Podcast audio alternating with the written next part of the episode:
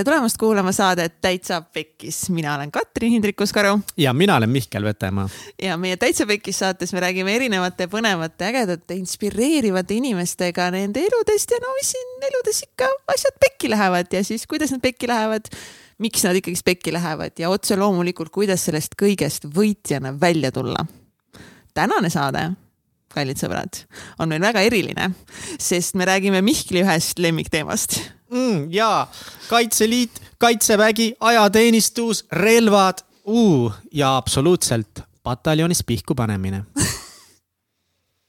ja Mihkel ju ise on meil ka ju kaitseliitlane siin Toompea malevas ja endine ajateenija ja ja lisaks siis Mihklile on meil täna külalisteks siin kaks väga kihvti meesterahvast, üks kindlasti juba sulle võib-olla tuntud eh, mees nimega Timo Porval. Timo on meil siin tuntud ettevõtja ja turundusstrateegia ja loonud siis sellise digiturundusagentuuri nagu Lavi. nii on.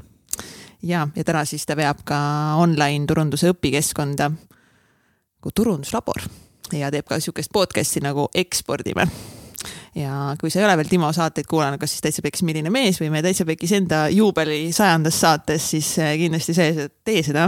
uh, Timo on äh, täiega üks äh, lemmik, lemmikinimesi ja samuti on siis Timo olnud meil pioneeripataljoni ajateenija aastatel kaks tuhat kaheksa kuni kaks tuhat üheksa ja reservi avatud see, seersandi auastmes ja osalenud reservõppe kogunemistel kaks tuhat üksteist ja kahe tuhande kaheksateistkümnendal aastal. uh, mina ja eh, ning eh, tema, tema kõrval täna tema üks tema paljudest äridest, tema koostööpartner, väga vinge härrasmees nimega Tarvi Tiits. ja miks nad siis meil täna külas on, on see, et Tarvi ja Timo kirjutasid koos väga vinge raamatu, eh, millele minul oli au esimest korda elus anda kuskile raamatule, noh, see testimonial, kuidas see eesti keeles nüüd on soovitus või mingi tagasiside, tagasiside, soovitus on, et noh. et nagu, mis sina sellest raamatust arvad, mis nagu... said ja said, said onju. ja kui me läheme ka isegi, eh, neil on selline eh, veebileht ka nagu ajateenija.ee siis lahe oligi näha, et siin, kui lähed allapoole kerid, siis kes on andnud tagasisidet sellele raamatule, siis Mihkel Vetemaa on ilmselgelt esimene ja siis alles tuleb meil ju kaitseväe juhataja Martin Herem ja Mart Laar, meie endine. nii et asjad on järjekorras. asjad on järjekorras, aga kes, kes on Tarvi? kes on Tarvi, täpselt, Tarvi on siis samamoodi noh, ikkagi tänase saate kohale alustamise olulistest asjadest, tema on pioneeripataljoni ajateenija aastatel kaks tuhat neli, kaks tuhat viis ja reservi arvatud siis kaprali auastmes, ta on hiljem osalenud reservõppe kogunemisel kaks tuhat kümme aastast aastast. aga tema ise on siis pärit Tallinnast, lõpetanud eh, Rocca al Mare kooli, hiljem Tallinna Tehnikaülikooli majandusteaduskonna. ja praegu on siis käsil tal magistriõpingud IT-alal TalTechis ja ta on eh, nagu mina noorena olnud ka aktivist, et osalenud noorteorganisatsioonides. samamoodi nagu mina, ta oli ISEC-is ja õpilasest ettevõtjaks ka seal ning hobi korras ta on veel basskitarrist ja töökogemuse avalik sektor, erasektor, Euroopa Liidu struktuuritoetused ning ta suutis viia Eesti ajateenistuse raamatu Lätti või oli Leetu? türa, no tead mida, see jääbki üllatuseks teile, kas see oli Läti või Leetu, varsti saate teada, kuulake.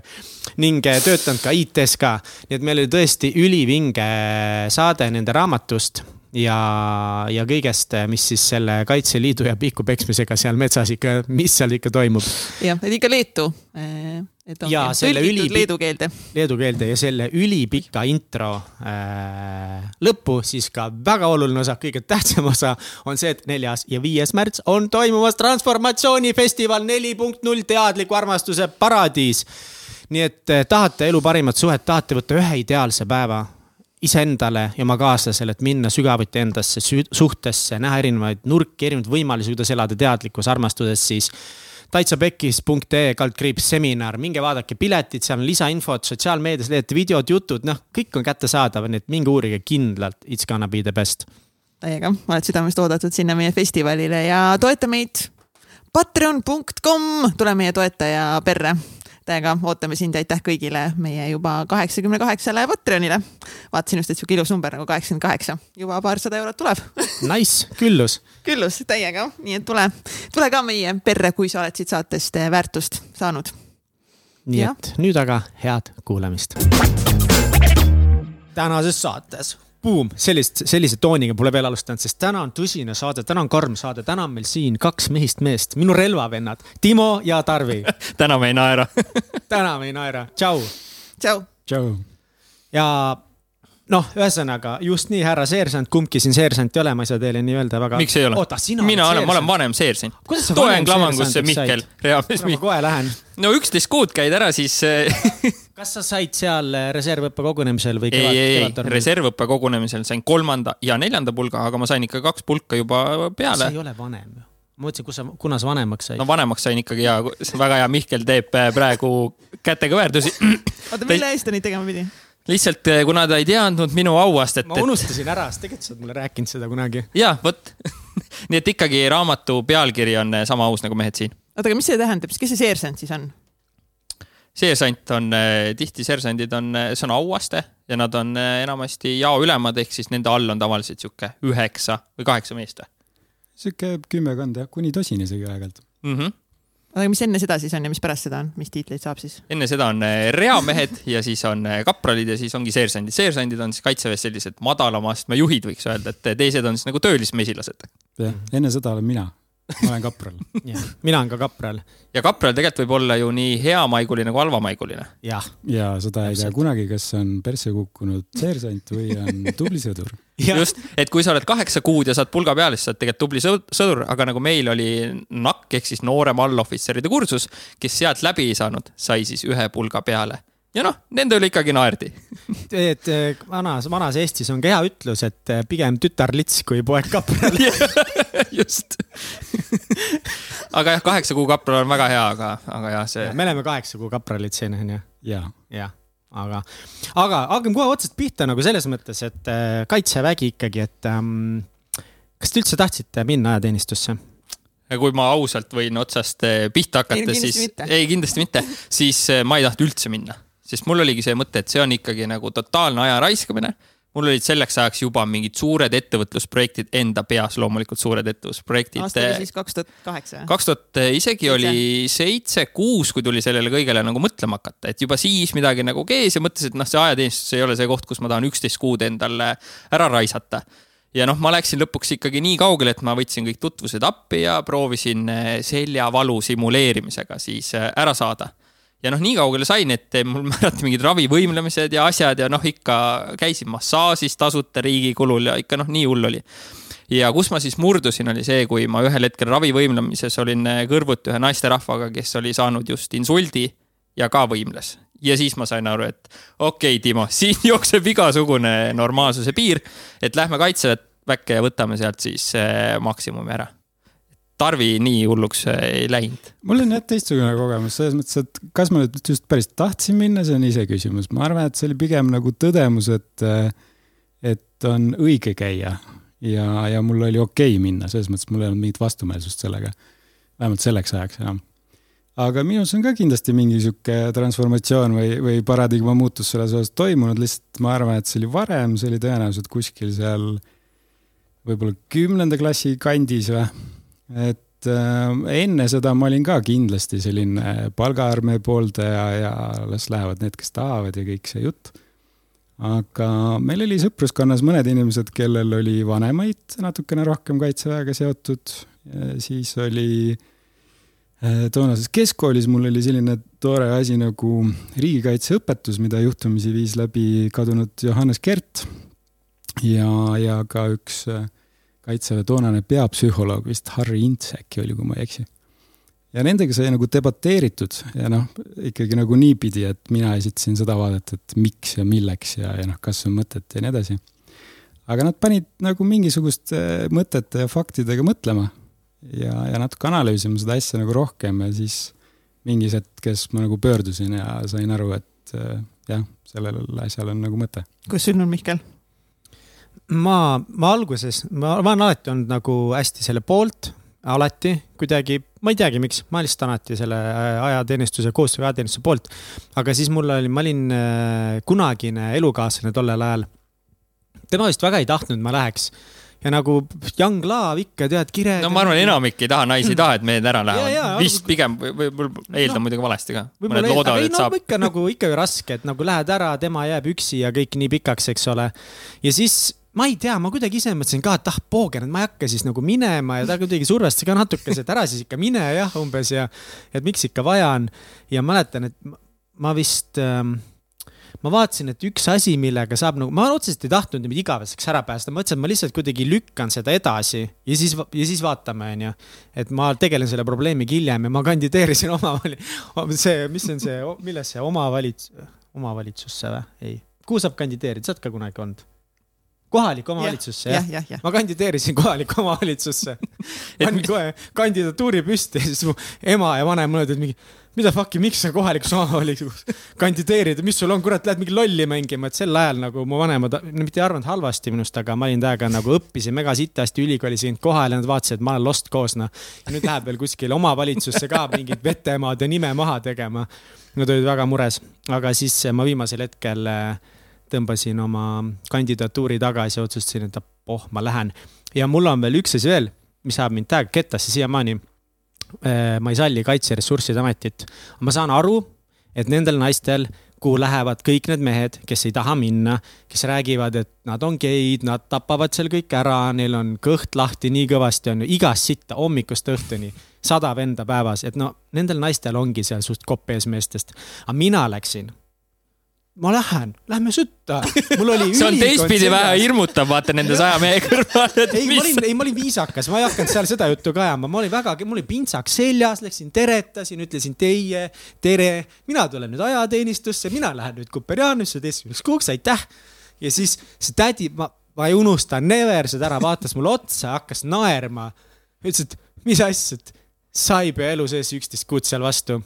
ja ma läksin Opa. sidesse kaheksaks tõsiselt? jah vägev wow. nagu ei olnud vägev, mida fuck'i, ma olin mega, ma olin mingi, mis asja nagu, aga siis noh, ma ei teadnud, et, et pataljon ja pataljon on täielik vahe, sest nagu ülesanded on erinevad. siis ma olin mingi, et okei okay,, ei, ma tahan sinna minna, ei saa, no okei okay, umbes noh. aga lihtsalt mind solvas see, et hakkas naerma mu peale aga mul oli, oli sama, et ma lükkasin seda endale edasi, ma läksin ju lõpuks niimoodi, et ma käisin Tallinna Tehnikakõrgkoolis, mis oli neli aastat. siis ma lootsin ka, et noh, kolm aastat ma sain pikendust. Äkki tuleb palgaarmee, äkki ei pea minema, noh, selline loll lootus oli. ja siis tuli minna keset ülikooli, et ma ei tea, te käisite vist eh, peale keskat kohe? ei, mina käisin pärast ülikooli. pärast keskat jah. me mõtleme, et huvitav, kas see trehvas, sinu sats äkki trehvas kuskile sinnakanti, kus veel Ligi oli kaitseminister ja täitsa aktiivselt räägiti palgaarmeest vot ma ei tea tõesti, see oli lihtsalt mul mingi loll eh, lootus, et noh, tähendab lootus, et ma siis saan ära, et ma ei pea sinna minema. jumal tänatud, et ei tulnud. Jah, aga mis värk siis üldse selle kaitseväega on, et kas ikkagi, kas siis mees, kas kaitsevägi teeb mehest mehe? kas ikka mees peab käima kaitseväes? ma arvan, et eh, sihuke lühike vastus on see, et ta annab kindlasti mingid eeldused et me nägime Meheks seal saamisel meheks saamisel ja et sa õpid, noh, üks asi, sa õpid vastutama, et kui sul siin kodus on kogu aeg võib-olla on ema ja sõbrad ja naine, elukaaslane ette-taha ära teinud, seal, seal sa pead olema enda eest väljas ja tihti ka rühma või jao eest väljas. et see vastutuse pool on kindlasti see, mis sa õpid ja iseseisvus ja hakkamasaamine ja olla toas üheksa või üheteist või kuueteist mehega korraga, et see kindlasti annab eeldused selleks, et sa meheks saad, aga ka meil oli, noh, ütleme, kui seal pioneeris oli sada kuuskümmend meest, siis mõned mehed ikkagi suutsid mitte kasvada edasi, et nad eh, vedasid selle ikka läbi, nad vihkasid, nad jonnisid, nad vandusid, kogu rühm tegi nende pärast igast eh, vigureid, et nendest ei kasvanud. Ja siis eh, nii mõnigi ütles ka, et kuidas sa suudad Porval seda kõike, seda porri niimoodi nagu rõõmsalt veel võtta.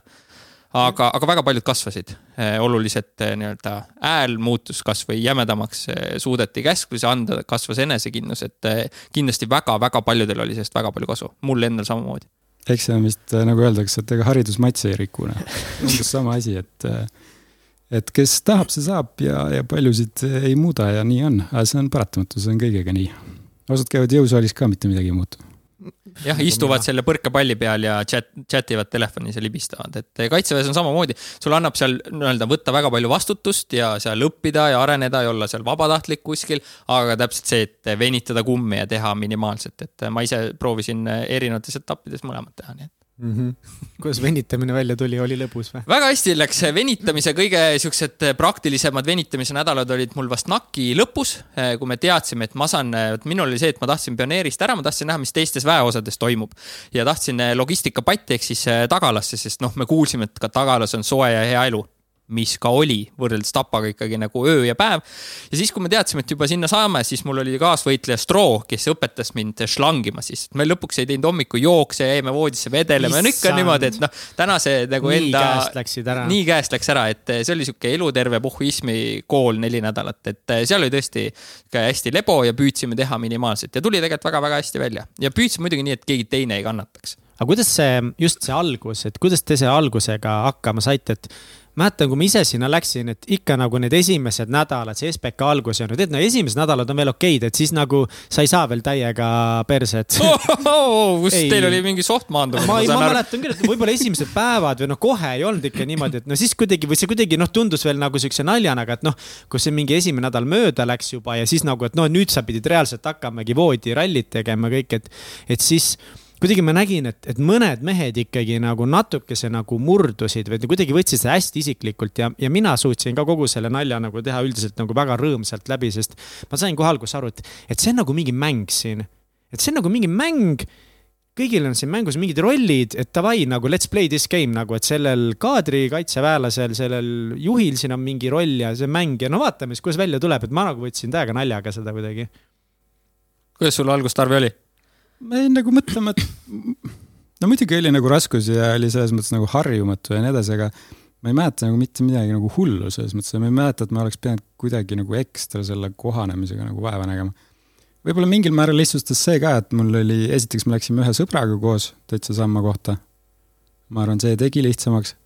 ja teine asi oli see, et mul teine sõber, bändikaaslane oli juba seeruna samas kohas paar kuud olnud, nii et mingisugust nii-öelda luureinfot oli ka natukene nagu olemas mis koha peal toimub, aga kuidagi noh, selles mõttes loomulikult, kui esimest korda sa istud toas ja sulle tullakse sisse, öeldakse püsti valvel, eks ju, noh siis sa ei ole sellega harjunud.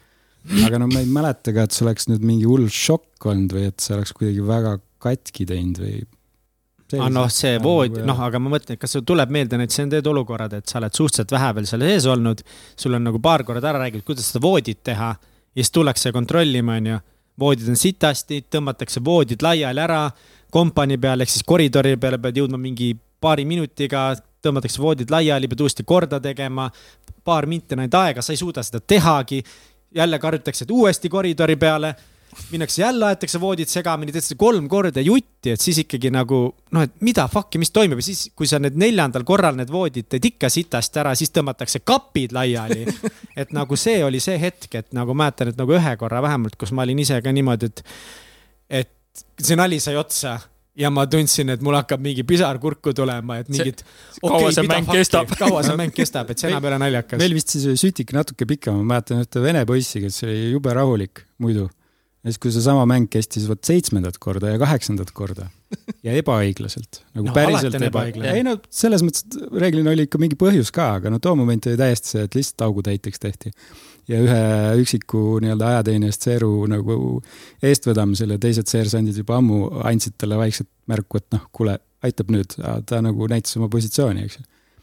ja vot siis ma küll mäletan, et jah, tal kees ka niimoodi üle, et ta siis pani selle seersandi niimoodi paika, et, et hea oli, et ei pidanud pärast seletuskirju ja asju tegema, nii et. aga kuidas teil alguses, kui teie ajal, kas alguses läksite SBK ajal koju, ei saanud linnaloale?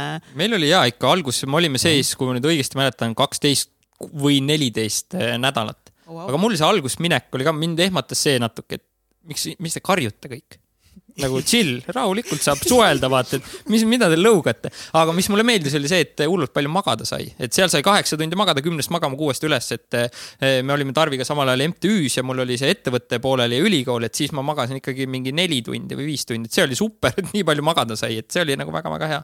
aga muu kõigega ma ei tea, ma tulin toime, ma olin natuke ettevalmistusi teinud kehaliselt, et ikkagi jooksmise kätekõverdustega sain normaalselt hakkama ja siis ega seal muud ei olnud, et siis tuli samamoodi selle mänguga harjuda. aga ma mäletan seda, kui me esimest korda jõudsime sisse, me olime need kotid lahti tõmmanud, mis träni seal kõikidel välja tuli, siis kokku pannud ja pioneeri läinud. siis mul oli sõber Henri Palmar oli seal ees. siis ma, vot see nägu ei lähe mul ka meelest ära, kui Henri seisis kingaviksimis selle puki juures ja lihtsalt vangutas pead ja vaatas mulle silma, kui ma veel tsiviilriietega läksin, ma sain aru, et okei okay,, see tegelikult väga okei okay koht ei ole siin rääkisin, et temal oli just see, et ta oli oma tuppa sisse elanud ja siis mängiti need toad ümber, et seal vene poisid tahtsid olla Mhm. ühes ja Eesti omad teised. ja oli juba sisse elanud, oma kappidesse kõik ära pannud, vot see on see, et nagu kass pääseb esimest korda õue, jookseb auto alla või midagi, et sa olid sama.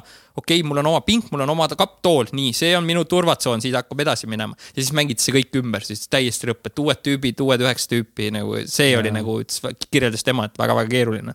see on alati jah, meil oli ka samasuguseid case'e aga mis te nagu arvate, on siis ajateenistust ja kaitseväega üldse Eesti riigile vaja või noh, ütleme siis kohustuslikku ajateenistust? loomulikult on. seal nagu aspekt on see, et kõik vaatavad seda oma isiklikust mätta otsast, kas see on kasulik mulle mehena isiklikult.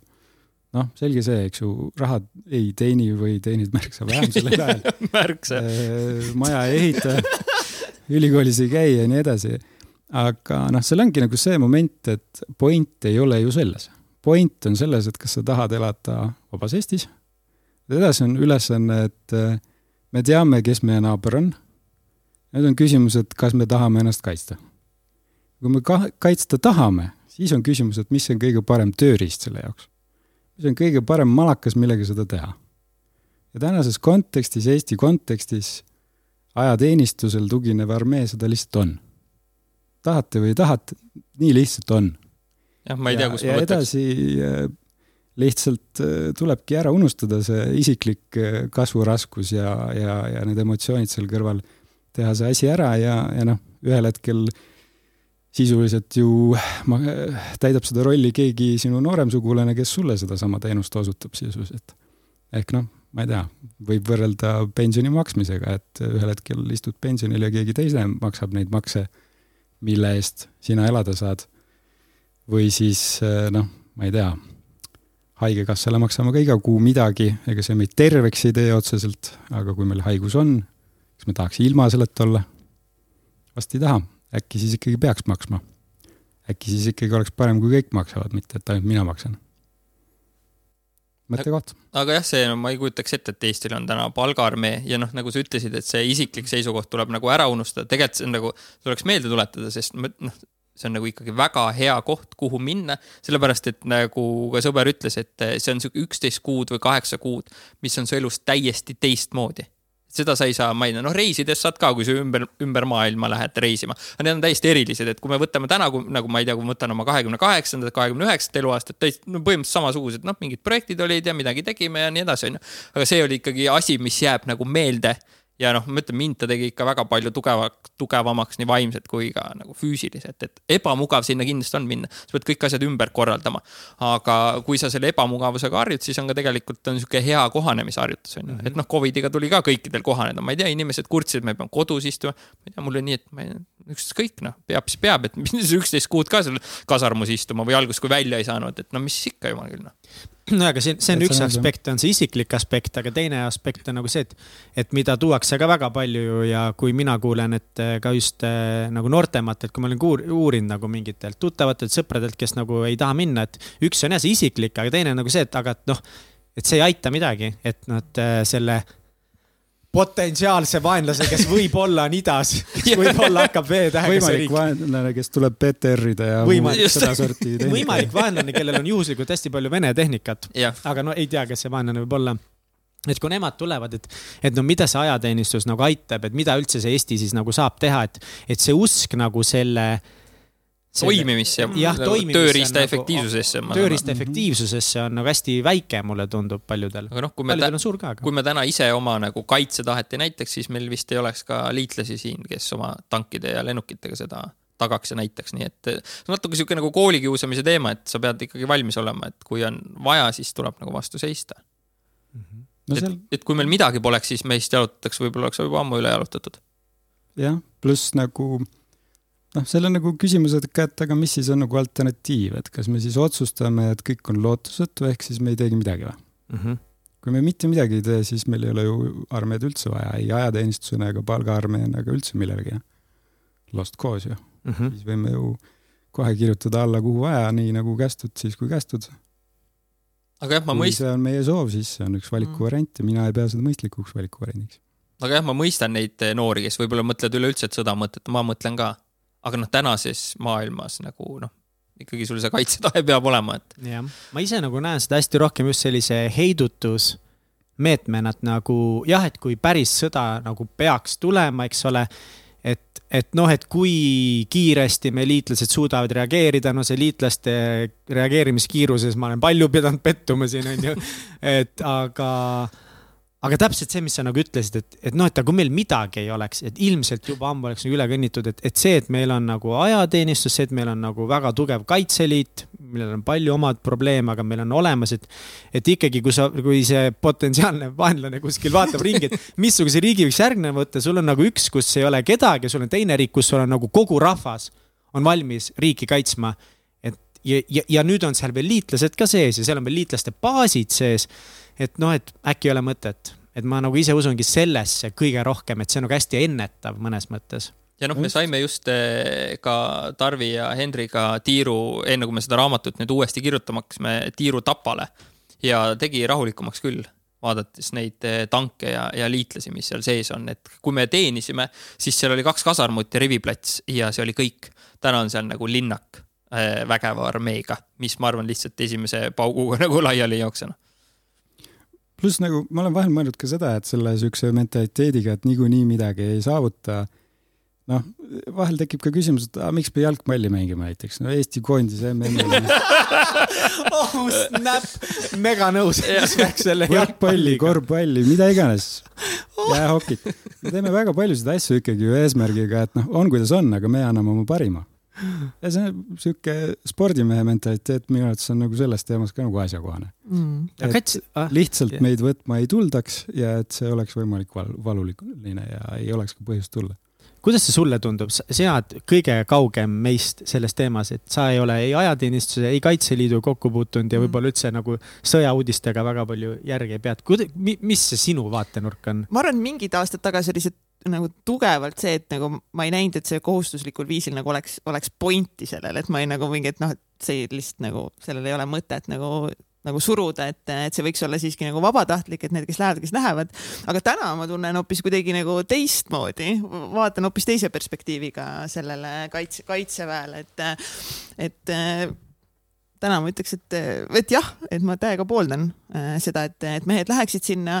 Ja ka just selle mõttega, et nagu tänapäeva ühiskond kuidagi nagu natuke nagu soosib sellist nagu pehmoks mm -hmm. olemist, kuidagi veits, et kogu see, et me oleme nagu internetis ja ma ei tea, võib-olla elame oma emmede-isside juures ja kõik on niisugune nagu veits vati sees. et mulle tundub, et niisugune sõjavägi on selline, mis ikkagist mehest võiks nagu, mehe vähemalt nagu välja tuua või ta võiks kuidagi oma keskkonnast minna välja ja näha midagi, mis toimub mujal, kui see, millega sa oled võib-olla oma tavaelus eh, harjunud. et täna on kuidagi nagu jaa, aga no kui ma ise peaks minema, siis muidugi ma ei tea nagu onju ja noh, teistpidi, kui sa sinna lähed, siis sa näed ka seda läbilõiget tervest ühiskonnast, et sa eladki muidu oma mullis ja oma sõpradega ja kõik. aga noh, siis tuli ka, siis öeldi ka, et noh, nagu vaadake vasakule, paremale, see ongi läbilõige Eesti ühiskonnast. oligi Võrumaa metsades traktoriste, mingi kombaini, mitte kombaini, vaid oligi kopamees tuli, ta teisel rühmavanema tunnil või mis iganes meil seal oli, küsis, millal ma oma kopa saan, noh, vaatasin, issand jumal, kust sa tulnud oled, et noh.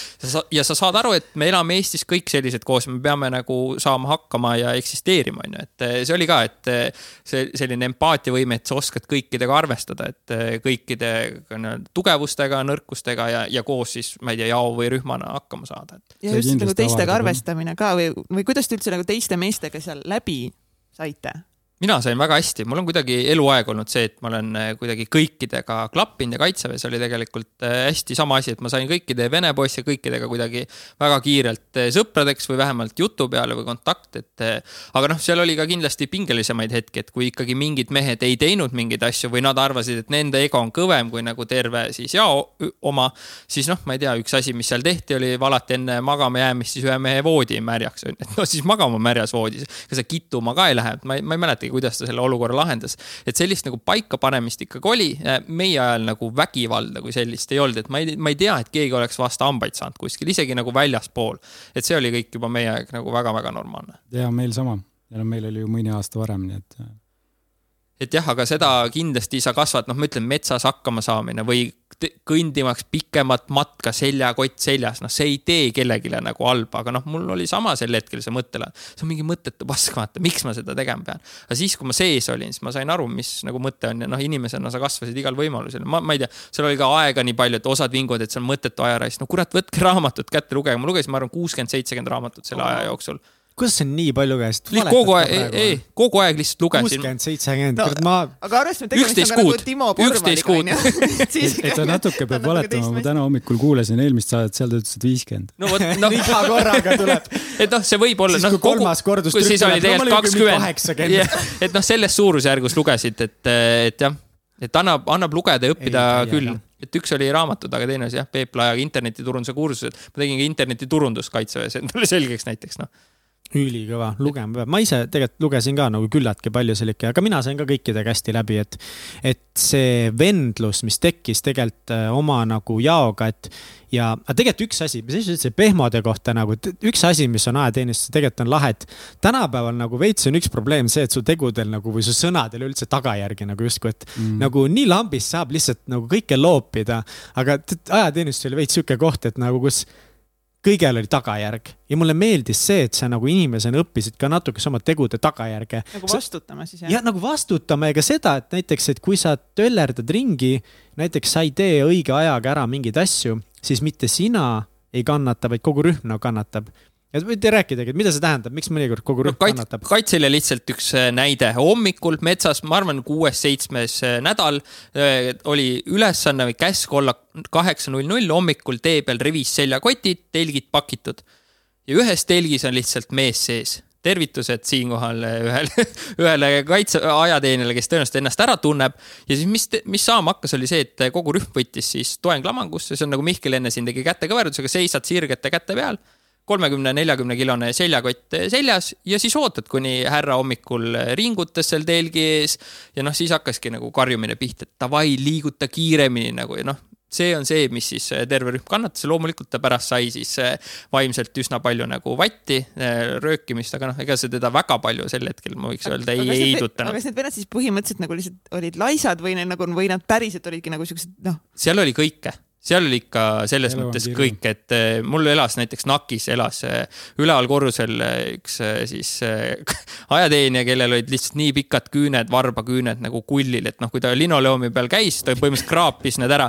ja siis ta kõlgutas õhtuti jalgu suht tuima näoga, siis ma ütlesin, kuule, palun korja oma jalad ära, kas see tõesti häirib? no tegelikult veits häirib küll, onju, et noh, no ma ütlen, seal tõesti oli nagu igasuguseid, et jah, linnalubadest eh, jäime ilma tänu mingitele meestele, linnaluba oli noh, ikka ajateenistuse kõige magusam asi. ja mm. mingi vend oli siis tulnud eh, täis peaga eh, siis linnaload tagasi ja siis öeldi, et okei okay,, pioneerid nüüd, ma ei tea, seal öeldi siis kaks nädalat või midagi välja ei saa. siis oli küll, oh fuck, noh. linnaloast, linnaloast ilmajäämine oli nagu jah, the ultimate punishment. et see oli nagu karm. kas te mäletate, kui te esimest korda pärast siis, kui te esimest korda välja saite võib-olla te käisite nii ammu, te seda ei mäleta. ja mina mäletan küll, sellepärast et miks mul see eriti hästi meeles on, on see, et ma olin tol ajal abielus ja naine väga tublisti ootas ja siis ilmselgelt, kui sa oled kaksteist nädalat sees olnud noore mehena, siis testosteroon on laes. ma mäletan väga hästi seda korda, kui ma välja sain. mäletan väga hästi. tead, ega see tüdruk oli ausõna, selles mõttes oli ta väga vaene, et eh, seda rõõmu jagus umbes neljakümneks kaheksaks sekundiks, et et seda mäletan väga-väga hästi esimest väljasaamist ja siis oli hästi kohmetu tunne oli eh, see, et noh, eh, voodis võib ka istuda et noh, kaitseväes voodis ei tohi istuda pingi peal ainult. ja noh, ma nägin ikkagi öösel unenägusid, kuidas ma olin eh, metsalaagris ja kaardina vahelt pistsin näpu välja, et eh, nagu vaenlast ikkagi jälgida, et noh, ikka kammis, kammis. terve rida siukseid asju on ja kusjuures pärast eh, ajateenistuse läbimist samamoodi. ma mäletan hiljem üks, millega mul oli jube raske harjuda, oli mingisugune aeglus, mis tsivilistil nagu on, et kui sul on vaja midagi otsustada, siis nagu kuidagi noh, kaitseväes kõik käib nagu kellavärk faktid, pah, pah, pah, otsus. ja, ja, ja nagu tsiviilelus on hullult nagu mingit sihukest nagu põdemist, et kas ma teen nüüd nii või ma teen nüüd naa no. ja just väikeste asjade osas tihti, et noh. ja no täna heaoluühiskonnas järjest rohkem, et kui ma nüüd sinna kohta lähen sööma ja selle prae tellin, et tea, kas ikka on hea, äkki peaks uurima, äkki peaks sõbranna käest küsima. äkki see ei ole hea, mis siis juhtub, kui ei ole hea, äkki siis on õhtu rikutud.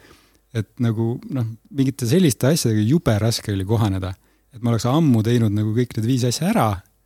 keegi veel seda esimest ikka veel nagu seedis. aga kas see aitas sul siis edaspidises elus võtma vastu kiiremaid ja julgemaid otsuseid? kindlasti jah, aga noh, ega ma seda teistelt ei eeldanud muidugi ja, ja noh, ajapikku sa samamoodi kohaned sellega uuesti, et sa võtad asju nagu rahulikumalt, aga see esimene olukord oli küll ikkagi täpselt nagu selline või siis teine moment, et äh, sa oled kuidagi harjutanud mingisuguse operatiivsuse sisse, ma mäletan, me olime sugulastel külas äh, Rootsis vist mingi sünnipäev oli, tuletõrjealarm läks käima mingis renditud kohas. ainus, kes lauast püsti tõusis ja päriselt ringi peale tegi maja ajal, olin mina. noh, drill mm -hmm. oli sees kui on olukord, kui on olukord peal, siis sa teed midagi sa ei passi seal niisama, eks ju yeah.. et, et mingi nagu action peab siis nagu toimuma, aga noh tsiviilis noh, sa ei, noh, sa ei tegutse niimoodi ja mis ma veel enda puhul tähendasin, kui ma välja sain, oli see, et ma ees oleva kõndjaga kippusin sammu õigeks sättima see on muuseas üks, mille järgi kaitseväelased tänava peal ära tunnevad. ja, ja, ja minu jaoks ka vaata esimest korda välja, sellest vaatasin, et issand jumal, kuidas need inimesed kõik hakkama saavad, nad kõnnivad nii sinka-vonka aeglaselt. lamba pea formatsioonis. lamba pea formatsioonis täpselt ja nad ei, no ongi, et, et see väga konkreetne tegutsemine, kui sa oled paigal, siis seisad käed selja taga, et kõik tundus mulle nii nagu aeglane ja veider ja ma tundsin, et nagu, et nad ei saa üldse keegi hakkama siin millegiga, et, et see tohutu teovõime tegelikult tuleb ja, ja võib-olla jällegi nüüd hüpata tagasi nende asjade peale veel, mida see ajateenistus annab, siis minu jaoks kõige suurem äh, nagu võit sealt oli see näha, kui palju on võimalik korda saata. kui paljuks, esiteks, ja lähme ka sinna, et kui palju ma olin füüsiliselt tegelikult võimeline tegema, aga kui palju ma olin võimeline ühe päevaga tegema, sest kui kell üksteist on, hakkasid vaatama, et tunni aja pärast on lõuna sa olid juba noh, ehitanud kaevikud ära, pesnud autod ära, pesnud riided ära, nõelunud ära, sa olid raamatu läbi lugenud, sa olid mingid noh, eelsöögi, noh mingeid snäkke söönud, eks ole, sa olid mitu rivi trilli teinud. noh, rohkem, kui ma teen mõnikord nädalas, praegu ma olin teinud poole päevaga mäletate aga... seda, kuidas aega lihtsalt, kuidas? jaa, sest noh, oligi, kui ikkagi hommikul oli kolm minutit, et olla koridori peal rivis, riides äh, ja väljas vist oli viie minutiga olla, siis ma ütlen, selle viie minutiga olidki, sa olid koridori peal rivis, riides, siis oli, aa, kaks minti on aega, rahulikult jõuab põiel käia, jumal, kui palju aega täna on. et noh, sellised asjad nagu tõesti. viis minti oli metsikult pikk aeg. oli küll, jah. aga jah, mida see veel andis hästi palju ajateenistus, on see ikkagi, sa unustad enda selle ego ära. et mida me tegime, kui me saime välja esimest korda linnaloale, me organiseerisime tegime koos siis eh, enda rühmaga ka kokkusaamise. mis oli äge, oli siis, millised mehed tulema hakkasid, seal olid kõik laigulised ja kiilad kes oli hip-hopi riietes, kes kandis metalit nagu, et sa nägid siis isiksusi alles. aga kaitseväes tuleb see nagu minapilt ikka oluliselt nagu ära unustada, mis on väga-väga hea. jah, sest eesmärke sa saavutad seal kollektiivina. jah, individualistina seal väga palju jah ära ei tee, et selles mõttes ikkagi jah, kõikvõimalikke nii-öelda iseenda piire nii vaimses kui füüsilises mõttes sa paned proovile, see on nagu selge. Ehm, mõnes mõttes võib ka paralleele tuua sellega, et noh, ma ei tea, ajaloos on näiteid, kus äh, on olnud aegu, kus äh, ma ei tea, lapsed mingist vanusest saati, saadeti kuskile kooli, eks ju, pikaks ajaks õppima eema, eemale vanematest või ma ei tea, kuskile rüütli juurde, eks ju, õppima sõjateadust või midagi ja täiesti eemale kodust, et see sihuke, see nagu omamoodi tseremoonia või rituaal tänases päevas, tänases ühiskonnas, mis ka nõuab sihukest pingutust nagu. no see nagu peaaegu nagu sihuke, ma ei tea, kloostrisse minek oli keskajal umbes, ma ei kujuta ette noh mm -hmm., midagi sihukest piisavalt äärmuslikku. noh, sellesama efekti tõenäoliselt saavutab ka natukene a la palverännakutega stiilis Santiago de Compostela, eks ju või ma ei tea, keegi läheb äh, aastaks ajaks äh, Austraaliasse oma käe peal arendama oma elu, eks ju. noh, need on midagi võrreldavat. aga see kõik peab olema su iseenda otsus, su iseenda initsiatiiv sellisel juhul. see tuusik või see pakett on sulle nii-öelda, eks ju, a priori kohe nagu ette kantud ja makstakse kinni ja ise väga rohkem millegi pärast muretsema ei pea, kui et ilmu kohale. aga miks ta, miks siis kaitsevägi pigem nagu vähemalt mi minu silmis on saanud nagu pigem sellist nagu bad pressi või sihukest halba mainet, et kas siis need, kellel on nii-öelda negatiivse kogemus, lihtsalt nagu, nagu karjuvad nii-öelda nagu valjemini ja räägivad kõigile, et nagu issand jumal, kui halb see alateenistus ikka oli ja kõik oli nagu pekkis versus see, et räägivad need inimesed, kes, kellel oligi seal nagu, kes kasvasid ja kellel oli hea kogemus. no eestlastele vinguda meeldib selles mõttes nagu ja. ikka, et noh, hästi lihtne on kõige kohta öelda, et sitt ja halb ja mõttetu. ma arvan, vene aeg ikkagi see on ka põhiline, selles mõttes, et kogemust meil ju päriselt ei ole, noh tegelikult ei ole ju.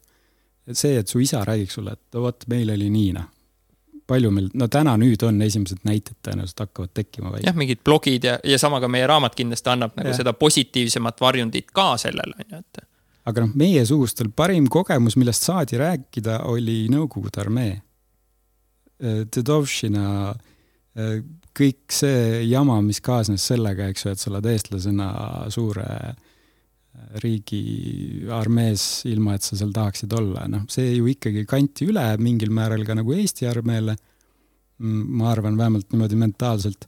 ja, ja lisaks, ega siis üheksakümnendate algus kaitseväes oligi ka ju väga keeruline ja raske. ohvitserkond oli ju õppinud kus, saanud kogemuse kus mm, -hmm. suures osas Nõukogude armees mis oli nende suhtumine, mentaliteet, asjadest nägemus, kuidas nad kohtlesid oma alluvaid, kuidas nad vaatasid, kuidas noh. pioneerid on sokid, noh. mis see tähendab? no see ongi see, et nad ei ole mitte keegi mm.. et noh, kunagi need Nõukogude juhid olid, suhtumine oli seal selline. aga nüüd on kasvanud, kui me käisime Tapal rääkimas ka, on kasvanud uus põlvkond peale, kes on siis noh, just eh, nagu ohvitser on ju, kes on läbinud vähe kaasaegsemad mulle meeldib, et kuidas te oma raamatus ka nagu filosofeerite natukese selle üle, et see viib ka sellesama teemani, et et esiteks, et, et kust on nagu ajaloolised need kasvuraskused tulnud võib-olla, aga et, et ka teine teema on see, et noh, et ongi, et Nõukogude armee algus kunagi kümme aastat, siis neli, siis kaks aastat, Eesti ajateenistus on ju kunagi kaksteist kuud, mingi üksteist kuud, kaheksa kuud, et varsti on äkki viis kuud või jumal teab mis, et, et, et see ka võib-olla on nagu okei okay,, et, et nagu, et kas see on halb, et kogu see asi läheb nagu kergemaks, aga inimlikumaks ja sõbralikumaks ja hoitumaks ja veel süsteemsemaks. et, et sellel on plussid ja miinused, et te nagu siin raamatus väga huvitavalt ka nagu natukese peatute sellel kuidagi, et et noh, et alati on see, et ah, minu ajal oli ikka veel raskem. jah, no seda tahaks jah, aga, aga ei peagi, et sama nagu eh, ma ei mäleta, kas Veebel Leht oli, eh, ma ei mäleta, kas tal oli Veebel auaste või mitte, ütles ka, et et noh, me kasvatame täna ikkagi nagu reserviste mehed, kes tahavad tagasi ka tulla, mitte see, et mm. kõik mul aitas kaitsevägi, fuck unustatud, on ju. et eh, see kogemus muuta ikkagi selliseks, et aa, tegelikult tahaks näha oma relvavendasid, tegelikult võiks ju vaadata, mis seal vahepeal toimunud on. Et see on päris selline suur mõttelaadi muutus ja eks see võtab aega, sest täna ongi asjad läinud leebemaks, et ei ole seal vöörihma ja ma ei tea, meie aeg tuli kirjade ja paki eest teha ikkagi kätekõverdusi, täna ei tohi neid teha, sest mingid emad on väga kõvasti karjunud, siis nende poegi alandatakse, piinatakse ja kiusatakse. no mis ei mahu mulle pähe, aga noh, kohati ma suudan seda nagu mõista, et, et ta peabki lihtsamaks minema, et meie aeg ka ei olnud enam näljalaagrid. noh, ma arvan, reaalselt ma oleks seal nälga surnud ära ka, onju. et eh, mõnes mõttes ma olin õnnelik, et nii raske ei olnud, teisalt, teisalt on natuke kahju, et kui sa sinna juba lähed, noh, kurat, võta siis maksimum see on alati jah, vastavalt ajastule, sest noh, reaalsus on see, et juba meil oli lihtsam kui mm -hmm. enne meid. noh, see on selge yeah.. ja, ja noh, ma ei tea, võrreldes mingi tsaariarmeega me ei hakka üldse rääkimagi et ja see ongi nagu normaalne, see on normaalne elukulg, meil kõik läheb lihtsamaks ja paremaks. et noh, et kasvõi ka igas muus sfääris või valdkonnas, noh, et kui meil täna on lihtne, kas me peaks siis teadlikult tegema selle nagu raskeks? Et noh, et kui me saame, ma ei tea, hea autoga sõita, et kas peaks nagu nui neljaks sapikaga sõitma või? jah, aga, aga kui, kui kaitsevägi on näiteks sihuke hull nagu lihtsalt mingi chill imine, et kui, aga kui on päriselt siis vaja nagu sõtta minna. vot see on muidugi õige point ja, ja seal ongi jälle kuskil on piir, eks ole ja, ja tegelikult, mis teeb natukene murelikuks, on see, et küsimus on, et kes on võimalik vaenlane jälle. ja millise suhtumisega ja millega tema vastu tuleb. sest võita on vaja neid. Ja, ja kui vot sealt teist poolt Peipsit nüüd tuleb see vend, kes on valmis natukene kauem olema söömata, natukene märjamate saabastega, natuke kehvema varustusega ja see on tema jaoks normaalne. ta on harjunud sellega, ta ei oska paremat tahta me vingume sellepärast, et meie noh, kuivtoidupakk ei ole päris nii hea, kui me võib-olla tahaks. või et käte kõverdusi peab tegema palju. et vot. või siis... telo ei saa kätte kogu aeg, noh. jah. Et siis on halb, jah. et see natukene teeb nagu ettevaatlikuks, aga ma usun, et äh, seda piiri vast ei ole veel ületatud. Ja mingi osa sellest saab ka ikkagi tehnikaga kompenseerida.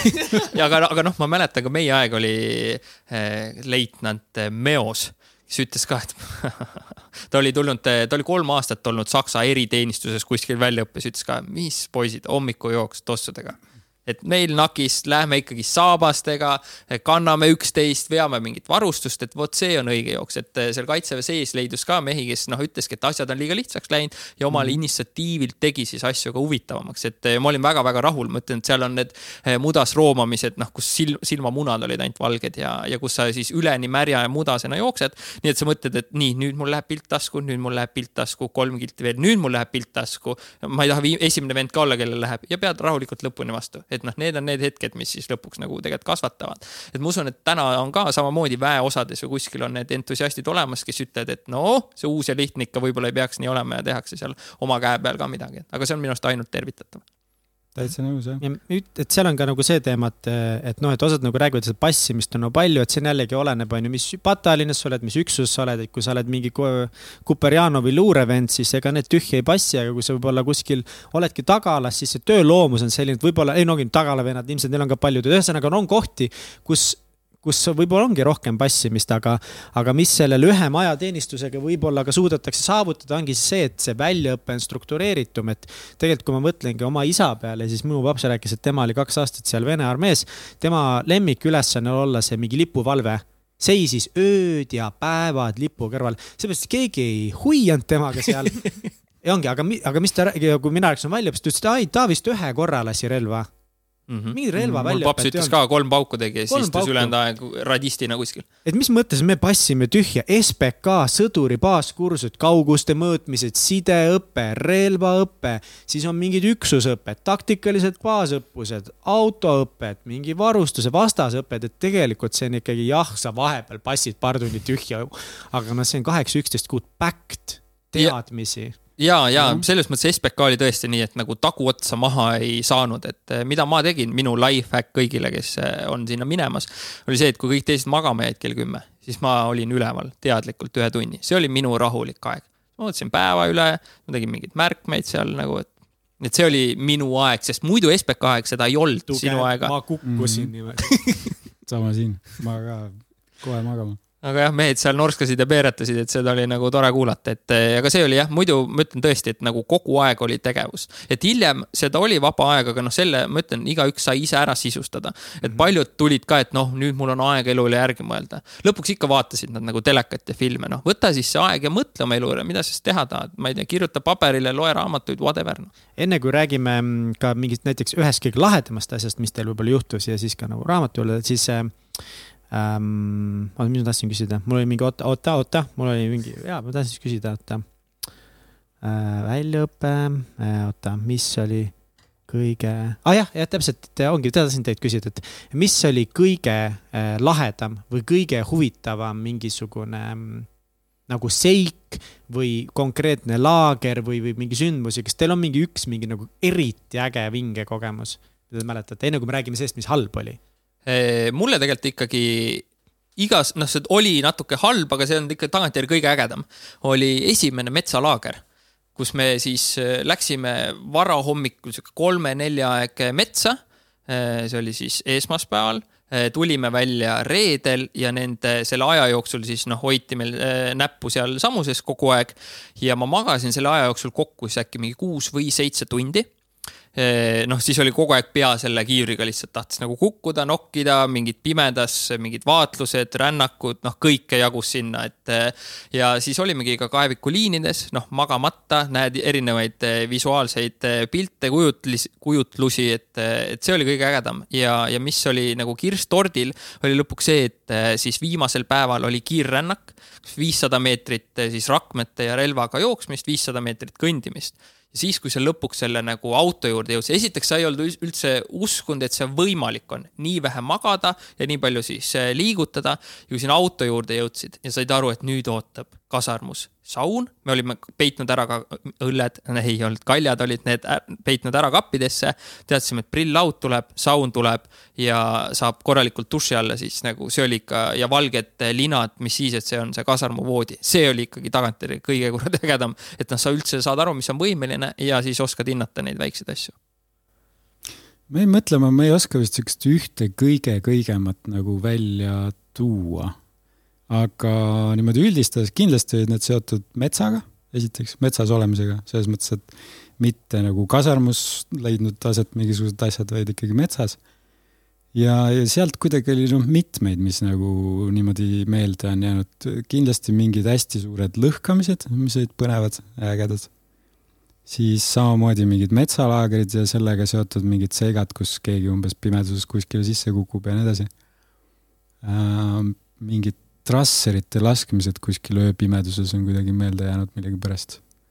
oli ka sihuke vahva mul, mis mul praegu meenub, oli Browning, mis on siis kaksteist seitse, et noh, need kuulid on ikka sellised päris nagu suured, mis sealt välja tulevad. et kui te olete näinud Rambo, ma ei tea, mitmendat osa ta laseb peost seda siis see on muidugi imetlusväärne, sellepärast et me istusime maha, kannat tuli suruda pinnasesse, et üldse seda nagu võimalik oleks lasta. aga kui see laulma hakkas, siis see oli nagu võimas, pärast seda see AK4 oli nagu noh, päriselt nagu herne püsti, tok-tok-tok-tok-tok, et noh, see laulis see Browning, mis me lasime, et see oli lahe et ma muidu ei ole üldse mingi relvafanatt ja mind need nagu trasserid ja laskmised, mul nii, võiks minu pärast olemata ka jääda, aga vot seda, aga vot seda Browningut oli kuradäge lasta.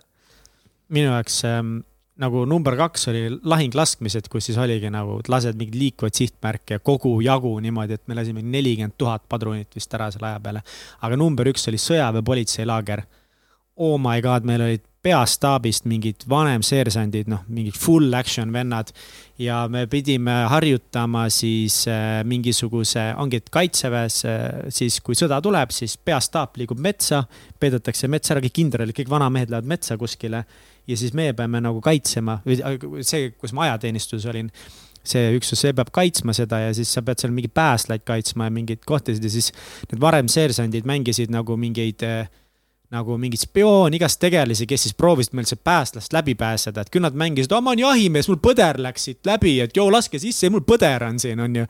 ja küll nad mängisid niimoodi autoga, lihtsalt tulid, sõitsid sisse ja, ja siis me pidime reaalselt selle ühe seersandi maha väänama niimoodi tulebki sinna, et noh, poisid, et ma lähen läbi ja mis sa nüüd teed ja siis lihtsalt hakkasimegi kaklema temaga. no loomulikult ta ei löönud meid, sest me oleme mingid poisikesed, aga meil läks mingid neli meest vaja, et see vend maha väänata ja reaalselt pidimegi ta maha väänama, käed kinni siduma, see oli nii haigelt põnev, me olime kogu aeg lihtsalt hyped, et millal nüüd tuleb. ja siis ongi selle, et davai, üks on see harjutusseis otsast peale, läksime tagasi, kõnnime relvaga, kaitseme seda pagana posti. ja siis tuleb mingi auto, oh, mis nüüd saab, kuidas, keda me nüüd vääname, onju, et see oli nii räigelt lahe, oh my god mulle meenub veel üks metsalaager, vot kats, nüüd see on see, kuidas eh, need mehed saavad kokku relvavennad ja siis hakkab neid jutte tulema, et tõenäoliselt on neid sauna, sauna eesruumis istumisi täpselt oh, samamoodi. võiks sellest nii pikalt rääkida, sellest laagrist aga meil oli ka üks eh, olukord, kus ma olin öö otsa olnud korrapidaja siis öö otsa magamata ja hommikul oli siis metsa minek, kus me siis valmistasime, valmistasime ette mingit luurekäsku asja. ja lõpuks ma pidin seda veel luurerühma minema juhtima, ehk siis ma olin lõpuks kokku nelikümmend tundi magamata ja siis selle öövaatlusseadmega ringi käia ja passida ja igal pool metsas olid nagu vaenlased, kes avasid nagu tuld. see oli äge ja siis eh, lõpuks, kui me sealt eh, varitsuse pealt eh, või sealt luurest tagasi tulime, siis oli küll reaalselt niimoodi, et vasakul ja paremal nagu oleks, ma ei tea, mida, mis aineid teinud, et kujud liikusid, mikiiret tulid välja, kõik koerad, et see on see nagu magamatu, kogeda sellist magamatust oli nagu päris huvitav ja samal ajal ise liikuda, kõndida, proovida ikkagi veel selgelt mõelda, et see oli ikka päris äge väljakutse. aga jah, neid öövaatlusseadmeid, mis toojad maksid, ma arvan, mingi kuus kuni kaheksa tuhat euri nagu ajateenijatele kätte ei antud, et siis ülemus ulatas mulle, siis mul oli oh, vau, kõva kui sa kuulad, Kats, nagu siukseid nagu kõiki neid füüsilisi nagu suuri väljakutseid, mis see näeb, kui sa mõtled nagu, milline see üldse sul nagu tavaelus sinu jaoks füüsiline kõige suurem väljakutse olnud on?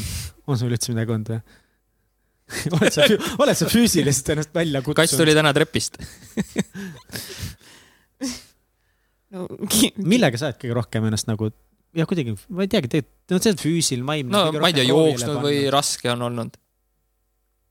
ei, ma olen jooksnud küll, aga see on ala mingi kümme kilti, mingi maks on ju ja, ja keskkoolis mingi nagu tantsutrennides käinud ja seal ikka ka nagu suhteliselt nagu noh, aga see on ikkagist nagu väga lühike aeg a la mingi tund-kaks nagu mingi maksimum, kus sa nagu võtadki välja või teedki mingit siukest kümmet kilti jooksed onju, see oli ikkagi väga lühike aeg.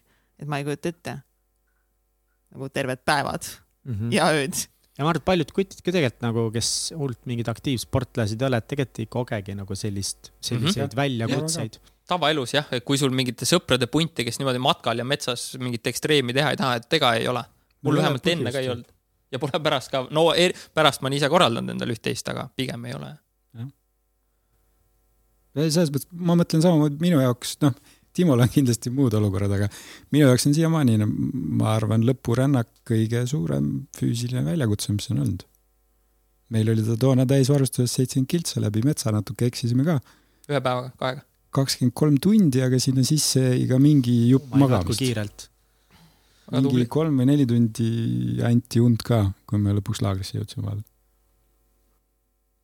ränk meil oli ka, meil oli NAK-i lõpurännak oli talvel, pimedas hakkasime minema, kell võis olla viis äkki.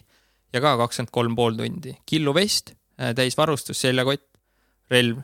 Ja siin äh, ja noh, siis ma vähemalt tegin nii palju, et äh, mul oli mingi diktofon kaasas ja ma salvestasin seda, et siin raamatus on see ka olemas, et see oli täiesti nagu tõusude ja mõõnadega, see on ka tegelikult meie enda jaoks üks ägedamaid kogemusi ja pärast seda mul sai siis üldse harjumus või nagu tekkis see tunne, et eh, võiks aeg-ajalt oma keha ja vaimu nagu niimoodi proovile panna, et ma arvasin, et see ei ole ka nagu võimalik, et seal lõpu ees oli ka niimoodi, ma ei tea, tuli kuskilt külmast jõest läbi käia, nagu keset talve, sa oled kõndinud nagu mingi kakskümmend tundi. No see mannapudru punkt oli just nagu vahele jäänud, see oli külmaks läinud, sealt ei saanud midagi, see oli ka nagu käige kõik persse. ja sa lähed sealt läbi ja täitsa nagu vägev jah. kui palju täisvarustus kaalub, ka rahvale uh, ma isegi täna ei tea, see on päris hea küsimus. kas nelikümmend neli kilo ei olnud või? no sinnakanti vist, kui sa võib-olla kõik kotti laod. jah. kolmkümmend, nelikümmend jah. koos siin... relvaga äkki, minu meelest äkki nelikümmend neli kilo vist oli wow.. -hmm. jah. minu arust meil oli relv oli üksi, Karl Gustav oli äkki, ma eksin, äkki oli neliteist kilo. jah, kusti on midagi siukest jah jah, ja siis äh, selle NAK-i lõpurännaku aeg, kui öeldi lõpus, et äh, kui te nüüd lõpuni ei, väga kiiresti ei lähe, siis me korjame teid maha, sest järjest auto tuli ja korjas äh, maha neid punte, kes kolmekesi käisid, siis me lõpus jooksime selle täisvarustusega. sa arvad, et sa oled läbi sa nagu ei jõua mitte midagi ja sul on tegelikult veel energiat, see on nagu äge. et see kõlab võib-olla hirmutavalt nagu kellelgi, kes võib-olla on minemas näiteks, aga saad aru, no enamus kõik teevad ära selle. ja, ja mhm. kellelgi ei ole mingit eelnevat kogemust. Need spordivennad, need olümpiapoisid, need on ainult kolm kuud sidepatis ja pärast seda nad on tagasi tsiviilis, et need on tavainimesed, tavalised inimesed nagu sina ja mina. Jah, ja see, ja see ongi noh, sa ja see kõik ju ka ajateenistuses liigub järk-järgult, ega kohe keegi ei hakka sellist asja tegema. noh, kui ma mõtlen ise, kui palju mu füüsiline vorm paranes võrreldes selle esimese testiga, palju ma tegin kätekaid või kõhulihaseid või kui kiiresti ma jooksin, siis noh, see oli nagu hüppeliselt selle kolme kuu jooksul paremaks. noh, kaits kodukaitsjatesse nüüd või? naiskodukaitsjad, olete ka müüdud meie lugudest ma ei tea, ma ei ole, ma ei ole, ma ei ole päris kindel, et, et see, et see on minu minu tee, aga ma olen väga uhke teie üle, et, et te olete selle läbi teinud, ei päriselt. aga selline küsimus, et noh, nüüd ausat vastust on ju, et kui täna äh, noh, sul on pere, sul on pere, lapsed. lapsi ei ole. okei okay,, sul ka ei ole lapsi, on ju? on ju, see oli mingi küsimus on küll, sa tead, sa ei tea. et äh, kui homme on teil kaks valikuvõimalust, et ongi on vaja kodumaad kaitsma, on vaja minna sõtta. et aga teil on teine variant, on põgeneda välismaale. kumma te valite? no ikka sõtta, et ega sa tegelikult, reaalne olukord on see, et ega sa tõenäoliselt ei põgene siit eh, ka kuhugi. ei no ja... kui sul lihtsalt ootab näiteks helikopter nagu Timo Porvali erihelikopter, et sul on kaks, no sul on päriselt kaks valikut nagu. no täna on eh, see, et eh, ma kindlasti läheks sõtta, sest see oleks südamerahu, sest kui ma ära põgeneks ja oleks kirjutanud raamatut ja rääkinud, et kaitsevägi on okei okay,, siis noh, see ei läheks tegelikult päris minapildiga kokku, et see kindlasti ei oleks üldse lihtne otsus ja ma kindlasti ei tahaks sinna minna ja ma isegi ei taha selle peale mõelda, et ma pean poja mm. nii-öelda maha jätma, see oleks nagu päris, päris valus. aga kui nagu ma ei lähe, siis ei läheks ka, ma arvan, paljud relvavennad, et ja, ja, ja siis mis, mis sellest riigist meist saaks, noh. Tarvi, kuidas sul? Äh, mina läheks ka sõtta jah, selles mõttes, et vahel tuleb teha õigeid asju, mis sest, et need sind ei rõõmusta. nii lihtsalt on. Mihkel? Nope ei, ma läheks, ma olen sellepärast ka kaitseliitlane ja, ja olen endale omandanud juba ka väga konkreetsed ülesanded, et mis siis juhtub, kui või noh, olen omandamas, et kui tuleb, aga see on, ma olen selle peale nagu mõelnud see on mega, mega keeruline küsimus ja tegelikult ma nagu kogu aeg tahan mõelda, et jah, ma nagu teeks seda, aga kui mul oleks see helikopter yeah. ja mul oleks need lapsed, et, et kas ma praegu saan käsi südamel sada prossa öelda. aga noh, see on õed ja emad ja, ja. et ma tegelikult no, ei lähe sinna helikopterisse. sõbrad ja. jah, et äh, ma arvan, et ma, või noh ma täna nagu ütlen ja, et ma lähen ja sellepärast ma ka teen kõiki neid asju, mis ma teen, sest ma täiega usun kodumaa kaitsmisesse ja ma ka usun sellesse, et et see kogu see digitaalne maailm see on nagu viinud maailma sellesse kohta, et mis üldse nagu tulevas krüptomaailmas, mis väärtust omab nagu riik, et kui on globaalsed riigid, täna saavad välismaa inimesed Eestis teha ettevõtet, olla e-kodanikud, et, et riigi noh, saja aasta pärast riigi funktsioon kindlasti paljudes riikides muutub. Et, et kas seda riiki on nagu justkui vaja kaitsta või minu vend näiteks, mina tean, tema põgeneks ära, aga noh, ta ei ole ajateenistuses käinud ka, ta on haige selg ja värki-särki ja ja ma olen paljudega rääkinud ja paljud ütlevad, et äh, ma paneks kohe minema ausalt ütlevadki ja, ja nagu mega aus vastus. ja see on okei okay.. mega aus vastus tegelikult nagu. ega tegelikult on hea teada. keda nad lollitavad, ma panen kohe minema, onju. siis on teada, kui palju seda ülekatet peab arvestama et paljud ära jooksevad jah, aga ja. ma paneks poja elukaaslase sinna helikopteri peale. jah, aga ma ei, ma ikka nagu läheks situks täis ennast ja läheks. ja, ja, ja see on. sama siin jah. mega. aga lähikondsed aitaks äh, üle küll, kui võimalik on jah mm., kedagi selles mõttes, et naised-lapsed kindlasti jah, kui on võimalik ja kui on soovi. aga see, kõik see situatsioon, ega seda kunagi ju ei tea, kuidas see nagu täpselt ja. välja mängib, selles mõttes, et täpselt nagu sa ütlesid, et noh, tegelikult kas sa saad üldse põgeneda mm -hmm. sel hetkel, ei pruugi mm. -hmm. ammu võib-olla kõik kinni ja läinud. ja ega siis riik ju ise paneb ka kinni, et äh, noh, üks, mida ju sellises olukorras tehakse, on, on üks asi, et inimesi ei lasta minema, aga isegi kaupa ja kõike muud ei lasta minema, sest seda võib juhtumisi sõja ajal vaja minna, et äh, alates ehitusmaterjalidest lõpetades jumal teab millega. ja, ja põgenemise osas ma olen veel vahel ka mõelnud selle peale, et huvitav, et aga millega siis täpsemalt, et noh, et vanasti oli selge, et kõik läks paadiga. noh, alternatiiv oli vist hobusega, väga kaugele poleks saanud. Äh, täna on autodega. huvitav, kas peaks siis nagu autole hääled sisse lükkama ja kütma nii kaugele läbi Suvalki, kui nagu kannatab või? Aga et kui kõik seda teevad oma autodega, mis seal Suvalkis siis juhtuma hakkab? kus on Suvalk? oled kotis seal, selles äh, Suvalki koridoris äh, Leedu ja no. Valgevene vahel mm. -hmm.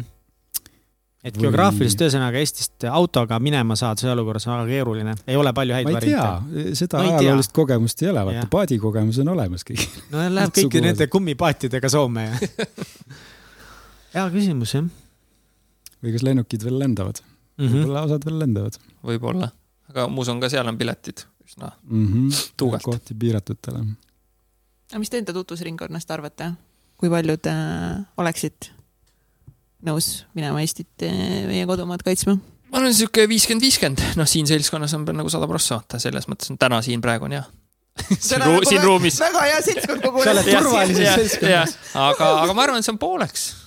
ma arvan, see on pooleks, pole niimoodi küsinud võib-olla on vaktsineerimisega sama proportsioon, ma ei tea võib-olla isegi jah ja. ma arvan, seal mängib palju rolli see ka, et kas sul on midagi kaitsta. et kui sa oma elu mingisuguses etapis jõuad sinnamaani, et sa oled kuidagi kibestunud või pettunud selles riigis ja, ja oma nagu elus ja asjades, sa võid olla seal ajateenistusega käinud ja, ja võib-olla isegi olid kahe käega hurraa nagu poolt, et davai, teeme. aga võib-olla sa täna noh, ongi see, et oled, ma ei tea maskid on pahad ja vaktsineerida ei taha ja kõik on pahasti ja Eesti on paha ja nii edasi, noh. vaevalt sa siis ka kuskile midagi kaitsma lähed. ja, ja noh, seesama, et kas me kaitseme riiki, noh, lõppkokkuvõttes väga lihtsal tasandil me ju kaitseme kodu. ja noh, nüüd ongi küsimus, et kas sul on siin kodu. kui sul seda kodutunnet ei ole, kui sul sõpru ei ole, lähedasi ei ole, mammonat ka ei ole et noh, siis on märksa lihtsam neid valikuid ka teha, eks ju mm, -hmm. et. Äh, no mida sa üldse kaitsed siin siin? jah ja., aga, aga kui sa ikkagi oled siia juba kodu loonud ja sul on siin hea olla, siis noh, tõenäoliselt sa rehkendad, et äh, sinul kuskil mujal kindlasti parem enam olema ei saa. heal juhul sinu lastel või lastelastel, noh. jah, no selles mõttes ma, ma arvan, et nagu noh, kui mul oleks valida, siis ma läheks, selles mõttes, et nagu ma arvan, et kui meid rünnatakse ja mulle pakutakse võimalust kuskil, noh, ma ei tea, mis ülesannet täita, nagu noh, mitte rindel, aga ma ei tea, aidata siin kuskil mingeid ainetud autostrateegiaid välja mõelda. välihaiglates või kus iganes on ju. Insta post, PR-i jah. see kusjuures. see on väga teema, võib väga teema olla just no.. jah, et ühesõnaga nagu mida iganes mingi Propaganda. oluline ülesanne on vaja täita, siis ma arvan, et ma läheks täitma seda, sest ma arvan, ma, ma olen ikka sihuke, sihuke suht emalõi, et kui keegi tuleb midagi minu sõpradele midagi ütlema või midagi tegema, siis ma lähen alati vahele, alati kaitsma. et nagu noh, ma arvan, et ma ka täiega läheks. Kodumaal appi. Yeah.. ja neid ülesandeid on kindlasti väga palju ja, ja seda abi on kindlasti vaja, ma arvan jah, see haagib kusjuures ka veel sellega, et kui enne oli küsimus, et äh, mis sellest nagu kasu on sellest ajateenistusest, et siis noh, üks kasu tegelikult ongi ka see, et äh, isegi kui sa ei lähe sinna rindele, noh, meie vanuses mopi korras tõenäoliselt me ei pruugi sattudagi, lähevad nooremad. aga vähemalt sul on see tarkus, et kui sul on keegi püssiga ukse taga, sa natukene tunned ennast turvalisemalt, sest sa natukene paremini tead, kuidas need asjad käivad ja ma arvan, et see juba üksinda ka selles kontekstis on sulle nagu mingisugune eelis või kasu. et äh, kuhu keldrisse maksab pugeda ja kuhu ei maksa ja, ja mida on mõtet karta ja mida mitte, eks ole. jah, ja meile vähemalt õpetati ka enesekaitset, kuidas ikkagi vigastada surmavalt teist inimest. ma arvan, sellest on ka kasu. meile öeldi küll, et me ei tohi kindlasti baaris neid asju kasutada, aga tegelikult ma vähemalt täna tean, kui hästi see mul välja tuleb, on nagu iseasi, aga aga ilmselt jah, väga halvasti, kuna seda ei praktiseeri. jah, tõenäoliselt ja loodame, et seda ei ole ka kunagi vaja praktiseerida ja tõestada, et aga jah, igas mõttes ellujäämine, kasvõi see, et sa vaimselt metsast natuke kauem vastu pead, kui sa ka silkad üle kuhugi põldude, kui vaenlane tuleb, mis iganes. ma mäletan lihtsalt selle metsa ellujäämise, et seal esimeses metsalaagris, kui siis härra Veebel näitas esimest korda, kuidas katelokitäie veega kogu üla, kogu keha ära pesta. siis see tõmbas küll mul nagu, et noh, mitte, mitte nüüd sõjaga võrreldes junni jahedaks, aga ma ikka vaatasin, et täitsa perse, aga nii külm on ju, kükitas paljalt puude vahel paganama oktoobri õhtul, siis mina olin oktoobrikutse ja ja tõmbas noksi paljaks kõik jutud ja pesi, noh, katelok on sihuke väike kuradi potikene onju. ja sellega pesi kogu keha seal ära ja hambad ka veel ja ma ei hakka ütlema, mis järjekorras. ja oluline, järjekord on oluline, ma tahtsin just öelda, muidu võib see hammaste pesu suht ebameeldivaks osutuda. aga mis värk selle raamatuga siis ikkagi on, miks te tegite selle raamatu? See lugu on see, et kui ma sinna kaitseväkke hakkasin minema, siis tegelikult ei olnud mitte kuskilt lugeda sinna ajateenistusse, et eh, mis siis seal saab, et oli mingi sõdurifoorum. ma mäletan, sealt ma natukene sain infot, aga see oli ka pigem nagu vana ja, ja siis ma ju alguses simuleerisin ja kui ma minema pidin, siis mõtlesin, et fuck it, ma võtan maksimumi, et siis teeb sellest eh, nagu raamatu, et ma kirjutasin iga õhtu siis või üle õhtu eh, ka märkmeid, mis sel päeval eh, siis toimus. Ja siis ma mõtlesingi, et noh, teeks, kirjutaks kokku ühe raamatu, et mul see ettevõtja hing oli kogu aeg sees ja ma nägin, et mingit sellist raamatut varem ei olnud, et mõtlesin, et teeb ära siis noh et noh, aga ma tulin sealt välja märkmetega ja siis, siis oligi see, et kes siis selle kokku kirjutab või kuidas sellest nii-öelda siis lõpuks päriselt nagu raamat saab, et seda alguses ei olnud, ma ei mäletagi, Tarvi, millal ma sulle sellest rääkisin, kas see oli enne kaitseväkke minekut? sa rääkisid ikkagi juba enne, et sul on niisugune plaan. Ja siis mina mõtlesin, et kurat, see on nii hea idee, et ma ei saa aru, miks ma ise niisuguse asja peale pole tulnud. Ja siis ma niimoodi salamahti lootsin, et äkki õnnestub Timoga kampa hüpata selles teemas ja õnneks õnnestus, et äh, selles mõttes siiamaani väga tänulik, et mingi sihuke vestlus mingil X hetkel toimus ja et sellest juhusest on pikem lugu edasi tulnud. et see pidi jah, see vestlus pidi nagu toimuma, sest noh, muidu see raamat eh, valmis ei oleks saanud, sest, eh, sest oligi noh, siis kui ma välja sain seal linnaloale, siis ma kirjutasin neid märkmeid kokku, kui teised relvavennad enamasti jõid või pidutsesid, siis ma tõusin hommikul kell viis endiselt üles, mitte kell kuus nagu kaitseväes ja kirjutasin noh, mingi drafti kokku. ma sain aru sellest, ma unustan need asjad väga-väga kiirelt muidu, et kui siia ka ma kirjutasin kordusõppuseid, mul ikka tükk aega andis nuputada, mis ka paar aastat tagasi oli mingeid detaile ja mingid asjad tulid natuke hiljem meelde ja siis siis sai neid nagu täpsustada. aga, aga kui ma välja sain, siis ma ütlesin Tarvile, et noh, märkmed on nagu koos, et, et kirjutaks, aga noh, Tarvi ju ei olnud ka kirjutanud, see me, me kumbki ei olnud. ja -hmm. siis me otsisime nagu inimest, kes selle kokku kirjutaks, need märkmed. ja ei leidnud ja õnneks ei leidnud, sest siis Tarvi ütles fuck it, ma teen ise ära. Yeah, fuck it et, et jah, et ma olen öelnud, et mina nagu tõin need märkmed välja, et ma olen küll siin nagu kaane peal autorina, aga tegelikult nagu raamatu ikkagi kirjutas nagu Tarvi no mõlemad olete koos. ju mis sa ajad? mõlemad olete? ei nojah, ma räägingi, et ma olen, aga tegelikult ikkagi nagu kirjanik, kirjanik on äh, Tarvi ja, ja see tegelikult sellega oli ka pull lugu, et äh, mina vahepeal kandsin selle projekti raamatu üldse tegelikult maha. ma ei mäleta, kas Tarvi, sa olid, sul olid koolis kiired ajad või igal juhul mingi hetk see kirjutamine jäi pausile no tegelikult oli ikkagi see, et see võttis nii rämedalt kaua aega ja energiat ja ressurssi, sest äh, no ma tegin seda ka töö kõrvalt, eks ju. Vabadel õhtutel, nii palju kui jaksasin ja viitsisin, muid asju oli ka, koolivärki tegin ka ja, ja noh, polnud ju kogemust ja ei teadnud, mis see kõik ju tähendab. aga sinna lõpuks läks ikkagi uhkelt, ma arvan, nii tunde kui ka lõpuks siis aastaid niimoodi tiksutades ja ma arvan, et Timol jah, igati loogiline, et tal juba ammu kett maha käis. ei no ma mõtlesingi, et noh, ei saa, ei saa, et ega midagi ei olnud, noh, ma saingi aru, Tarvil on kõik muu elu ka ja, ja tegelikult ei olnud ka ju mingit nagu nui neljaks, et me selle raamatu teeme. ja seda huvitavam oli see, kui Tarvi ilmus üks hetk välja, et kuule, tead, et ma andsin ju lubaduse, et ma selle raamatu teen, ma teen siis ära mul see, et okei okay,, kui sa ära teed, siis davai, ma turundan ja panen kõik oma oskused siis ja, ja energia ja ressursid, mis sel hetkel oli, et davai, teeme siis ära ja siis äh, niimoodi see raamat lõpuks siis eh, valmis sai, muidugi väga paljude inimeste abiga. sest noh, me ei teadnud jah, ei kirjastamist, me otsustasime kirjastame ise. miks? sellepärast, et eh, siis on mingigi võimalus, et me teenime natukene raha. et muidu Eestis, noh, ma arvan, niisugune keskmine raamat müüb niisugune viissada, kuussada tükki et noh, kui sa arvutad nüüd eh, välja selle viissada kuus, noh, ütleme, et viissada raamatut müüd kahekümne euriga, siis noh, on see kümme tuhat euri, jah. pool läheb jämedalt raamatupoodidele. ja paari aastaga ja paari aastaga. siis jääb viis jääb endale, eh, trükikulu tuleb ka maksta, noh, pole nagu pointi, et tavaliselt ma arvan, kirjastaja maksab täna kirja kir,, noh, sõltuvalt kui hea kirjanik sa oled seal, võib-olla mõned tuhanded eurod ja siis on see tore, aga siis noh, me mõtlesimegi, et tahaks ikkagi nagu sellega teenida ka. ja siis me nagu sinisilmselt uskusime, et sellega on võimalik teenida, lõpuks no, õnneks ka nagu natukene nagu oli. ja siis me rääkisime kirjastusest eh, Sandraga, tervitused Sandrale, et kuidas see maailm siis üldse töötab, keda meil vaja sinna punti on, saime teada, et on vaja toimetajat ja on vaja küljendajat ja siis on vaja trükikoda, kes ära trükib. ja noh, me mõtlesime seda, et ega Apollo ja Rahva Raamat, sul peavad mingid agendid olema ja värgid, et muidu müüki ei võeta kõik võetakse müüki täna, et seal nagu see ongi see, et kui sa raamatut müügile tahad, lihtsalt võtta ühendust äh, ostujuhtidega ja siis raamat ilmub sinna letile. kõik see kirjastamise ots tegi selle projekti nagu põnevamaks, ma ütleks, et noh, lihtsalt see kogemus ise oli ägedam tänu sellele ja ma arvan, noh, kui me oleks tulnud mingi käsikirjaga, et tere, siin on tundmatud nimed mehed metsast, palun ostke ära. Tiit Seborma no,. Äh, ja varem ei ole ühtegi sihukest asja ilmunud, no ma arvan, et suht pika hambaga oleks võib-olla ka vaadatud.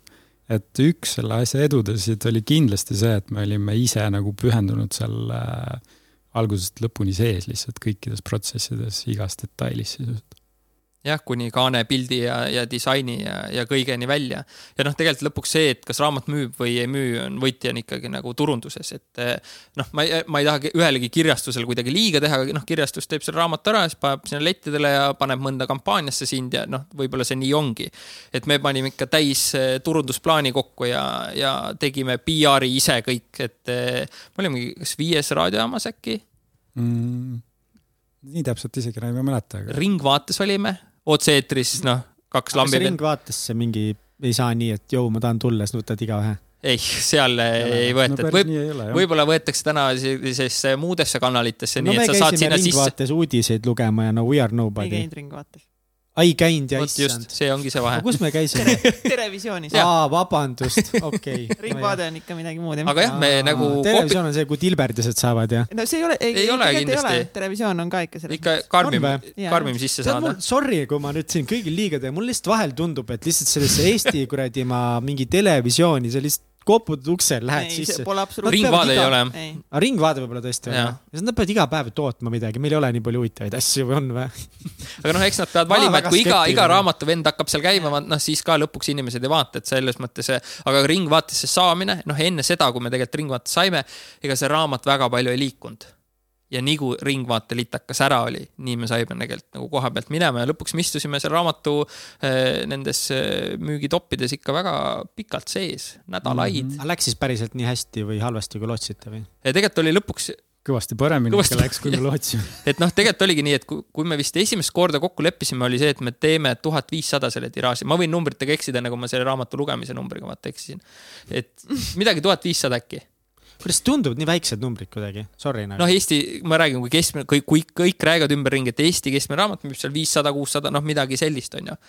ja siis, kui me käisime Apollos ja Rahva Raamatus, Tarvi elukaaslane Siki oli kaasas mul, kui me käisime seal ja rääkisime, mis turundusplaanid ja kõik meil on, siis Rahva Raamatus nad võtavad tuhat viissada sisse ja Apollo ütles, nad võtavad tuhat ma ütlesin Tarvile, et me ei tee tuhat viissada, me teeme kaks pool tuhat. seda Tarvi nagu ma mäletan ka siis ta ütles, et noh, ei tea, siis ma ütlesin, et eh, okei okay,, ma võtan selle riski või võtame selle riski ja siis pärast joome rummi ja. Timo oli selgelt julgem selles. aga mis see risk siin on sellel kohal, ma ei saa no see, kui sul on eh, tuhat eh, sellist raamatut kuskil pakkidega kodus, sa oled trüki eest, me paneme kogu enda raha on ju sinna trükki. aga kui nad juba ütlesid, nad võtavad kaks tuhat viissada. aga see ei tähenda, et see müüb aga mis siis? kui see ei müü, siis äh, Mihkel, kuhu me võime teie raamatut tagastada? aa, tegelikult? muidugi. raha sa saad siis, kui sa sealt kuhugi edasi liigud. ja, et see on kõik realisatsiooni peal, et see ei ole nii, et oh, nad võtavad, et siis on nagu done deal. ma mõtlesin, tead, noh, et ise vaadaku, kuidas nad müüvad ei, neid. ja siia alguse ja oligi see, et noh, võttiski kõhedaks, kui öeldi, et noh, tegelikult ei liigu pagan, meil niisugused plaanid ja kõik oli nagu tehtud, et. Äh, aga mis siis sai, kui palju see alguses osteti, mis, mäletad seda emotsiooni, mis siis juhtus või mis tegite? Ma ei, ma ei mäleta, mis need numbrid täpselt olid, aga noh, topis me ei olnud. Et me püüdsime enda poolt ikka kõik teha, et need raadiokanalid, raadiojaamad, kõik eh, mingitesse ajalehtedesse, Tarvi kõvasti helistas üle, kui me oli, siis me olime, tegime üle Eesti väikse ringreisi. siis eh, kui sa lähed rahv- või lähed eh, raamatupoodi sisse, siis noh, seal on ju nagu kümneid tuhandeid raamatuid. küsimus on see, miks keegi kurat peaks võtma sinu raamatu. ja noh, me mõtlesime ka Tarviga sellele, siis me otsustasime, et oo, me teeme siuksed eriväljapanekud. tõime Tapalt kaitseväes siis siuksed kastid, kämovõrgud, katelokid, medpakid ja tegime sellised hunnikud sinna, et noh, millest suht võimatu mööda jalutada. Aga, aga noh, ikkagi noh, see aitas kindlasti müügi, müügile kaasa, aga noh, mitte nii palju, et võib-olla olla kohe nagu topis käisite vaatamas ka siis, et nagu, et kas siis inimesed reaalselt võtavad? ja me istusime, ma mäletan Rahva Raamatus, ma ei mäleta Tarvi, kas sina mäletad seda, aga siis oli ka keegi võttis selle raamatu kätte niimoodi, vaatas, pani tagasi, mul nii, mis sul viga on, miks sa ei osta seda nii hea raamatu oleme kokku kirjutanud et eh, eks seal jah, ta oli ikka selline väga enda lapsuke ja sel ajal eh, ma ütlen, et me panime kumbki kolm tuhat euri sinna sisse või kolm pool, midagi siukest. mina igatahes mäletan, et ma laenasin kõik selle kokku. ma ei pannud sinna enda raha, sest mul lihtsalt ei olnud panna. et see oli nagu noh, kõik kaardid olid mul sel hetkel ettevõtluses no. selle nagu selle raamatu peal. ja õnneks töötas õnneks töötas. miks sa riskisid niimoodi siis? no mul polnud muid variante ka selles mõttes, polnud midagi muud ka laual, tööl, tööle ma ei tahtnud minna ja, ja siis tundus, et davai, teeme see raamatu. või noh, samal ajal meil oli digiagentuur ka, aga ega see veel nagu ei toonud sisse ja siis läkski. ma võtsin Hendrilt tuhat euri, Katrilt tuhat eurit, tuhat, ma ei mäleta, kellelt ma kuskilt sain veel tuhat eurit, see enda poole ma jah raapisin laenudena kokku see on, see on jälle see, see on hashtag Timo Porvali mentaliteet lihtsalt, kes ei ole veel kuulanud teisi Timo Porvali saateid, meie sajandat saadet ja siis ka Milline mees saadet, siis kes kuulasid, saate aru, et nagu, kes see mees päriselt on. et see on lihtsalt nii iseloomustab lihtsalt nagu Timot. aga noh, see oleks võinud, see oleks võinud ka teisiti minna, kus me oleks öelnud, et täna on kaks tuhat raamatut järgi ja ei müü no siis me vist täna siin. siis me ei oleks, siis me ei oleks, et, et selles mõttes jah. sest see on ikkagist täna ju kordustrükk. ja see on kordustrükk, et tegelikult on äh, kolmast, sest oligi alguses me tegime kaks pool tuhat ja me nägime, et see jõulude aeg lihtsalt liigub nii hästi. me saime selle ikkagi nagu igale poole sisse sõna levima ja ikkagi emad ostsid poegadele, pojad iseendale, pojad isadele kingiks ja igatepidi, et noh, me oleme siin öelnud ka, et see on nagu kõnetab nelja sihtgruppi, peaks kõnetama, et see on ajateenijale, kes läheb, ajateenijale, kes on, on ju käinud, äh, siis siis äh, emale, pojale või tähendab emale, äh, vanaemale, elukaaslasele, kelle mees läheb, on ju, ja, ja siis kaadrikaitseväelased ise. noh, tegelikult see ampluaa, keda, kes lugeda võiks, on nagu väga lai ja, ja ma arvan, lõpuks tänu sellele me saime ka selle nagu ikkagi nii suurelt minema, et äh, noh, Eesti mõistes oli ikkagi nagu bestseller, kolm tuhat viissada tükki lõpuks. jah, ma arvan, et see teema ka ikkagi nagu sobis, et see, see noh, see teema nagu toetas meid selles mõttes, et see oli tõenäoliselt ka põhjus, miks me saime äh, nii-öelda tuntud näod ja nimed äh, seda lugema ja midagi selle kohta ütlema see oli sürr muidugi, kui neid hakkas äh, tulema, et kõigepealt Karl Kangur, aitäh sulle, kes sa meid RM-iga kokku viisid. sealt tuli tagasiside, siis me kirjutasime oma nagu noores naiivsuses nagu kõigile Mm -hmm. ja pull Mega. oli see, et sealt tulid tagasi, et noh, siin on, kes meil siin on, Reinsalu, Laar, tol ajal andis Võrno meile tagasiside Äh, siis äh, Ilvese poeg mm. -hmm. Lukas Kristjan Ilves mm. -hmm. kes meil seal veel oli, Ants Laaneots. no ma vaatan, et kordustrükil siin on mingi Mihkel Vetemaa. Mihkel Vetemaa on kõige värskem tagasiside on ikkagi Mihkel, sinu oma. ja Helen Võrno, Mihkel Vetemaa ja see on vägev onju. ma nägin, su elu on nüüd, noh, võib öelda, et nagu tehtud. et sa oled ikkagi raamatu kaanel. ütlen, I have made it. no põhimõtteliselt see on sinu kirjutatud raamat. ja ma täiega siiralt nagu võin äh, siinkohal ka nagu selles mõttes promoda, et, et ma lugesin selle läbi ja see oli nii naljakas ja see oli sügav, et, et jah, et see nagu esmapilgul tundub täiega, et see on pigem inimesele, kes noh, nagu nad ütlesid, neli sihtgruppi ja võib-olla kõige rohkem inimesi, kes läheb ajateenistusse kindlalt onju. aga reaalselt see sobib kõikidele, sest see on nii sõbralikult kirjutatud ja nii naljakas lugeda neid kogemusi. kui, et mis siis saab, kui keegi rivis peeretab nagu, et see tundub nagu lamp asi, aga, aga sellest ei ole palju, aga need on siuksed väiksed nagu need väiksed naljad, mis te sisse pannud olete ja siis just vastupidiselt need väiksed nagu filosofeerimised, et äh, kerguste ja raskuste üle, eneseületamise üle ja ja riigikaitse osas ja üldse nagu põhimõtete osas, et mis on üldse põhimõtted elus töötamisel, et, et ma olin väga impressed sellest raamatust. ma ei oodanud sul... tegelikult, et see nii norm on sa lihtsalt otsustasid, davai, ma loen, kuna Timo palus, onju. ma lugesin sada prossa mm -hmm. sellepärast, et ma nii tahan sinuga sõber olla,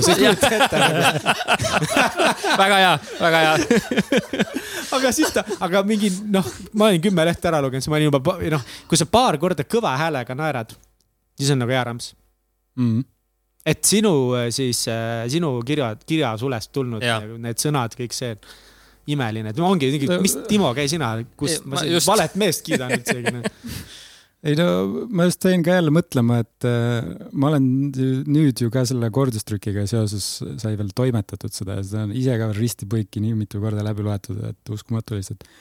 et ähm, kui sa ütled, et sa ei ole kirjutanud, siis no ikka kõvasti oled kirjutanud. no jaa, aga enamik on toimetajad tarbi maha kraapinud, see on nagu lihtsalt väike märkus tuleb siia ikkagi lisada. et kohati nagu seda lugedes mina ei tee mingites situatsioonides enam lõpuni vahet, kas äh, idee ja sõnastus oli sina või, või mina. Äh, ja noh, mingites asjades ongi ka need kogemused juba nii palju läbi põimunud, et päris nagu kindlalt enam näppu peale ei pane. kui järgi vaadata, siis muidugi saab noh mm -hmm. aimu, eks ju, et kus ja mis, aga aga et seal on ikkagi väga palju meid mõlemat, et äh, selles mõttes ta nagu, ma arvan ka, et õnnestus, et see nagu läbi põimida nii-öelda. Aga jah, nagu siinkohal ka, kui oluline on see meeskond, see, kellega sa teed, et ega mul on ikka meeles see, et me saime, kui me esimese selle trüki välja andsime, siis Sirp minu arust andis sellise tagasiside, et me tol hetkel, ma ei mäleta, kas siin eessõnas on see ka või mitte, et noh, ütlesime ka ausalt, me ei ole pikemat äh, asja kirjutanud kui lõpukirjand ja Sirp ütles, seda oli näha et see oli nagu aus tagasiside, et kui me seekord nüüd seda kordustrükki tegema hakkasime, et eh, aitäh Sõjamuuseum ja Anu Viltrop, kes uskus, et sellesse võiks nagu pointi olla, siis me kaasasime ka Jaana Malingu ja Karin Kasteina, kes siis eh, loovtoimetasid ja toimetasid ja Tarviga seda risti-põiki läbi käisid. see saaks veel tihedam ja veel parem, et eh, tänane versioon on kindlasti kõige, kõige paremini loetavam üldse seoses selle eelarvamusega mul tuli veel ka meelde see, et eelmine kord üks Mõhe lugu oli see, ma mäletan, kuidas ma helistasin vist Priit Hõbemägile, kes oli toona, ma ei mäleta, kas Ekspressi peatoimetaja või midagi sellist. ja siis mul oli tükk tegemist, et talle selgeks teha, et see ei ole kaitseväe poolt kinni makstud asi. just, just, sest see on nii positiivne. ja asja puänt on nüüd see, et nüüd nagu sõjamuuseum on meil päriselt toetanud, aga tookord Timo laenas raha kokku, et seda üldse trükkida et aga see nagu selles mõttes mõjuski nii uskumatult, eks ju, et, et mingisugused suvalised tüübid mm. omal initsiatiivil midagi kirjutavad. vähe sellest, mingid tegelased on veel nõus ütlema, et jah, seda võib lugeda küll ja siis neil läheb nagu hästi ka kurat, see peab olema kaitseväe mm. mingi propagandavärk. siin on midagi kahtlast, et seda ega me päriselt kunagi ei saagi teada, mis, mis jõud siin tegelikult taga on. seda ajakirjanik ikka nägi kohe, et midagi peab ja, olema. hunt oli kuskil olemas, aga seda mainiti ka kommentaarides, et kui me Postimehes vist avaldasime sellist paar lõiku raamatust, siis ma lugesin neid kommentaare. see on jälle öeldakse, et ära loe, ma ikka tegin nagu trenni, et no davai, vaata, mis seal kirjutati, siis öeldi ka, et no issand jumal, kus sellele tatrapudrule on nüüd ikka mett peale määritud ja noh, nii edasi, et, et seda oli palju, seda oli palju, et ja, ja seekord ka, kui me siis otsustasime, et eh, koos Sõjamuuseumiga, et me teeme, siis minu esimene nagu point oli see, et me ei pea sisu muutma, et me teeme täpselt nii, nagu me on, lihtsalt veel paremini, sest me tänaseks teame, kuidas siis raamatut veel paremaks nagu teha. aga jah, sisuliselt me ei ole nagu sisse kirjutanud või muutnud, et nüüd ma ei tea, tee seda või tee teist või Sõjamuuseum on hea või Kaitsevägi halb või paha, et seda me ei pidanud üldse tegema, et see sõnavabadus nagu jäi, et see oli algusest peale meie enda sihuke tingimus ka. jah noh, ei, asju on sitasti ka. Jaa, just. nagu kõige rohkem ma läksin närvi siis, kui meil oli üks tüüp, kes näitas kogu aeg oma, esiteks tal olid paberid, tal on selg mega haige, mingi X-ray'd, kõik jutud. ikka sunniti minema, see ajas mind juba mega kettasse, et ta pidi minema üldse. ja tal on noh, reaalselt selg oli haige ja siis lõpuks ta kukkus rivis kokku ja Mm. selg täiesti perses. ja ta on mingi fact for life nüüd mm, -hmm. et, et nagu, et seal on vahepeal mingeid asju ja kõik need ülemad, kes seal on täis munnid lihtsalt, kes on nagu egotripid ja et noh, et seda on seal nagu, aga, aga mida edasi aeg läheb kuidagi, ma ei mäleta nagu seda sitta nii palju, mul jäävad ainult need nii lahedad asjad kuidagi jäävad rohkem meelde. Eks elus vist nii lõpuks natuke on ka, et sa need halvad asjad unustad ära, aga, aga ka meil oli, et sealt siis sõelast, kus ajateenijaid võeti, et meie aeg vist oli ka seda nagu polnud kedagi võtta. täna on nagu seis vähe parem, et on mehi, keda valida. see oli ka ikkagi katkiste põlvedega. ülemaid nagu silmas, on ju kaadrikaitseväelasi. ei, ajateenijaid just, et keda võtta, et nagu keda sinna sisse nagu võeti, et noh, oligi see, et kuna vähe oli mehi sel aastakäigul minu arust, siis noh, võeti suht kõike sinna, et seal vähemalt see mulje oli selline jäänud, et seal oli ka eh, katkiste selgade ja põlvedega mehi nagu ikka omajagu noh, Mm.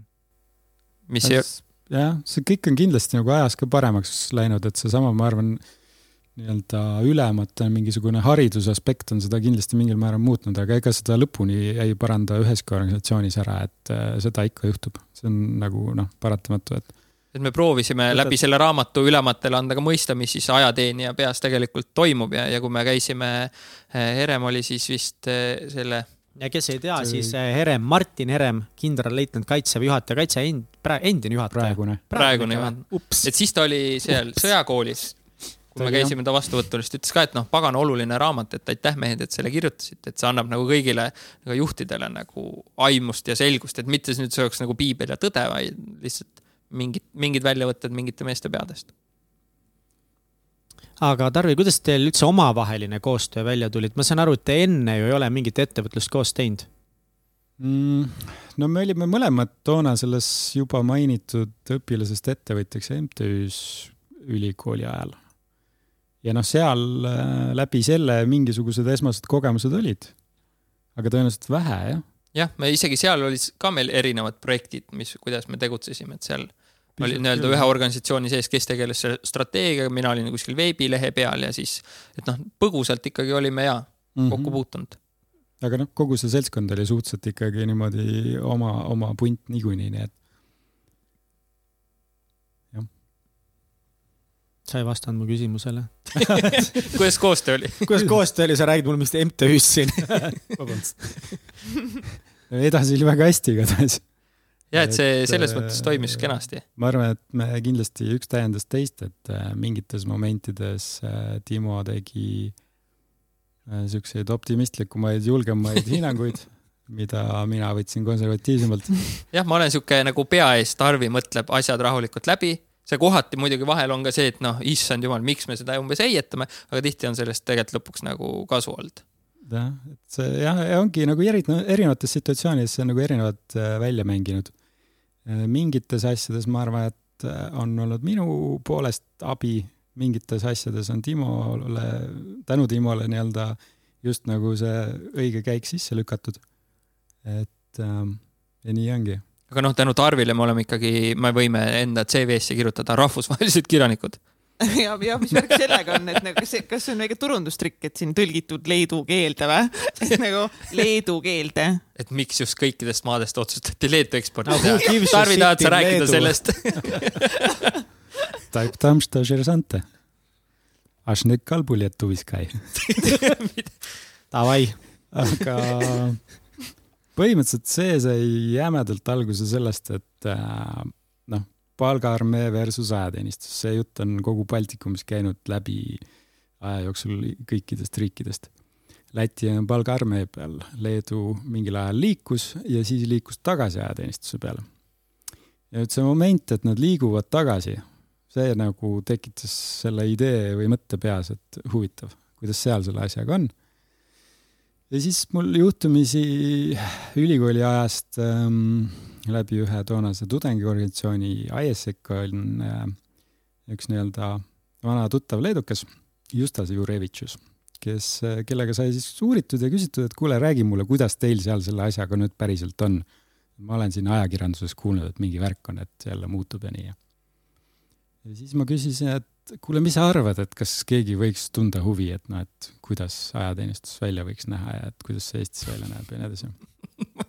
siis ta natuke uuris ja suhtles ja, ja, ja siis ütles, et noh, ei, ma arvan küll jah, et see võiks nagu huvi pakkuda ja nii ja ja ega ma ju täpselt ei tea, kui tõsiselt ta seda mõtles või kas ta viisakusest ütles, aga aga edasi sai siis hakatud nagu uurima ja natukene asja ajama.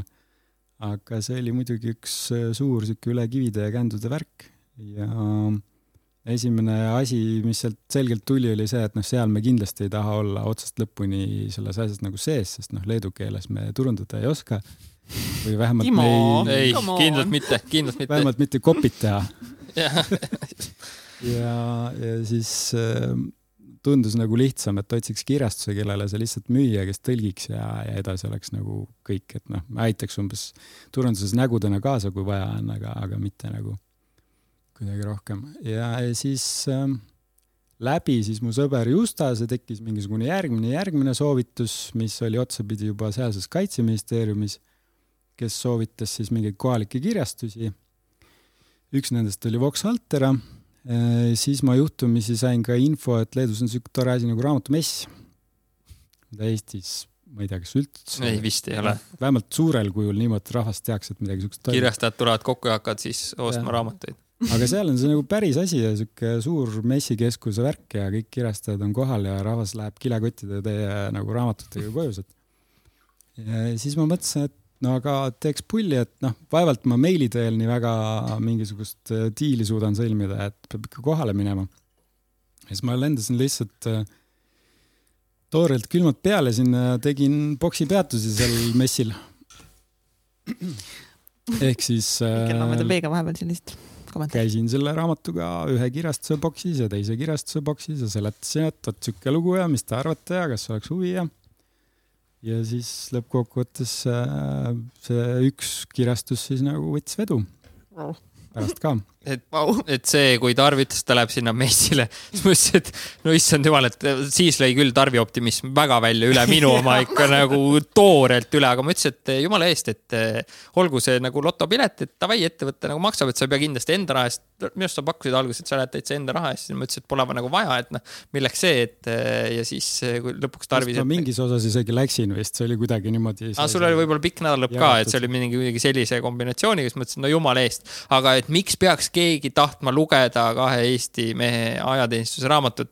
mul pole aimugi, ma ei tea, kas sa neid numbreid tead, palju see müünud täna meil on? no seal äh, tiraaž oli äkki puu tuhat või tuhat viissada isegi või? päriselt või? aga te tegite Vau. selles mõttes fix deal'i lihtsalt, et saite mingi summa kätte ja, ja enam ei ole. tuhat ükssada, tuhat kakssada, mitu euri see oli? Mis me saime, et see ei ole mingi hull, et lihtsalt öelda välja, et oo, ma olen rahvusvaheline kirjanik, see ei tähenda, et mingi rahakoormad hakkavad selles tulema. mõttes, et sul nagu odavalt saite selle tiitli endale. Just. täiesti uskumatu mulle, et ma elu sees ei panustaks selle peale, et keegi, Eesti ajateenistus Jah. on mingi kahe tüübi lugu veel Leedus aga no vaata ajastus ja kõik, et noh, et täpselt, kui see on nagu päevakajaline teema, eks ole ja.... sa olid ju veel Leedu meedias ju ka veel. Jah, vot see oli veel eraldi teema, sest äh, neil on sisuliselt selline saade, mida võiks võrrelda meie Terevisiooniga. Labas Riet- Ritas, tere hommikust Leedu või midagi sellist. teevad väga kihvtit seda kusjuures. televisioonimaja ei ole üldse nii edev kui Eestis, aga muidu saade oli päris edev. ja, ja ka jälle tänu Justasele, kes tundis kedagi, kes tundis kedagi, sai siis märku antud, et noh, et raamatumess ja et noh, sa nüüd umbes esitasid seda, et autorit ise kohal, noh, tegelikult Timot ei olnud, aga noh. oleks olnud seal lihtsalt vait. ja, ja siis äh, kuna seal üks saatejuhtidest oli ka nagu ajateenistuses käinud ja valdkonnast veits nagu huvitatud, siis nad võtsid vedu.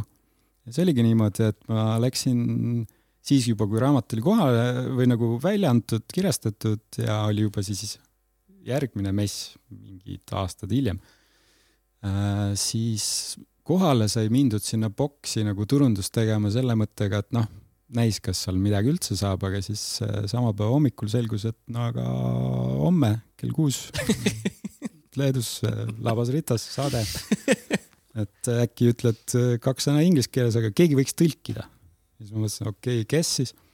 õnneks siis kohaliku kirjastuse üks inimene tõlkis siis inglise keelest leedu keelde kohe seal otsesaates niimoodi ja ja, ja noh, see, et ähm, kui mainida, et kes võiks nagu huvituda või mis iganes mm,, seal messil, noh, kus reaalselt osteti, eks ju, ja küsiti ka a la stiilis mingeid pühendusi ja asju. see on tegelikult päris nagu naljakas rääkida näiteks inimesega, kes on äh, Leedus pioneeripataljonis äh, aega teenimas.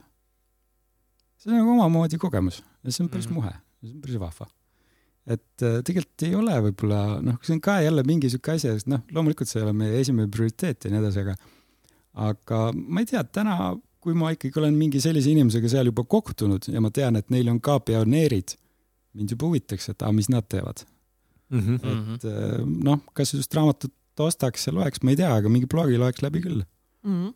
või mingi artikli, et kuidas käib või, või saaks selle tüübiga uuesti kokku ja, ja räägiks niisama õllekruusi taga, et noh, kuidas teil sest no see Baltikum on ikkagi suhteliselt pisike lõppkokkuvõttes ja eks ta noh, kui niimoodi väga suurelt mõelda, siis võiks ju ka relvavendadeks üksteist pidada, nii et noh. just. mõlema täiega. et jah, see raamatul on nagu, see lugu on ikka noh, see, mis me ühel hetkel otsustasime, davai, lihtsalt teeme, kuidas see argnenud on, on, on, on ikka nagu äge ja sest jah, kui see isegi kolm tuhat viissada, noh, me jätsime sealt endale ka eksemplare, siis see Leedu lugu oli ka läbi, siis ma mõtlesin, et noh, põhimõtteliselt võiks ettevõtte nagu kinni panna, et noh, noh, nüüd on see raamatulugu läbi mm.. see oli see, et ma andsin oma viimase eksemplari Teet Torimile, kes oli ka tankitõrjur, TT nagu Teet Torim, TT, kõik läks kokku.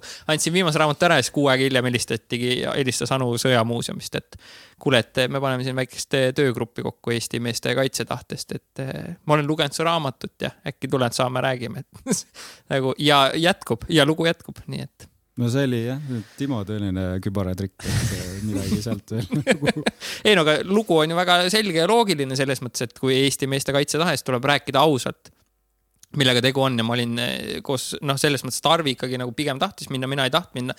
ka selline ideaalne ju lugu, et äh, ei tahtnud minna ja nüüd tegelikult väga rahul ja päriselt käsi südamel võin öelda, et noh, noored mehed, minge mm. -hmm. et on nagu igal, igas mõttes eluks nagu kõvasti ägedat kogemust, jah mul kõige noorem minu tädipoegadest käis ja ta on täpselt sihuke, et nagu üldse ei teadnud, mis ta nagu, kuhu ta ülikooli tahab minna ja ta vist noh, poleks ilmselt kuskile sisse saanud ülikooli ja sorry, Jaagup.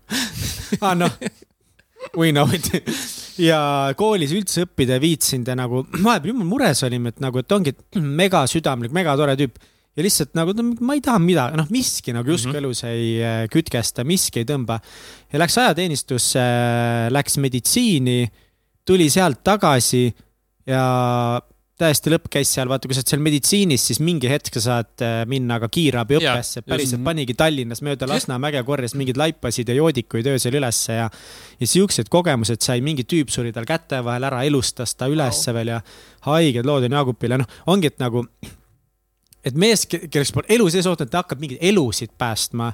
nüüd tänu ajateenistusele sellele leidis jumala koolingu, läks õeks õppima ja nüüd on haiglates, praegu ta on eh, PERHis on seal kiirabiosakonnas.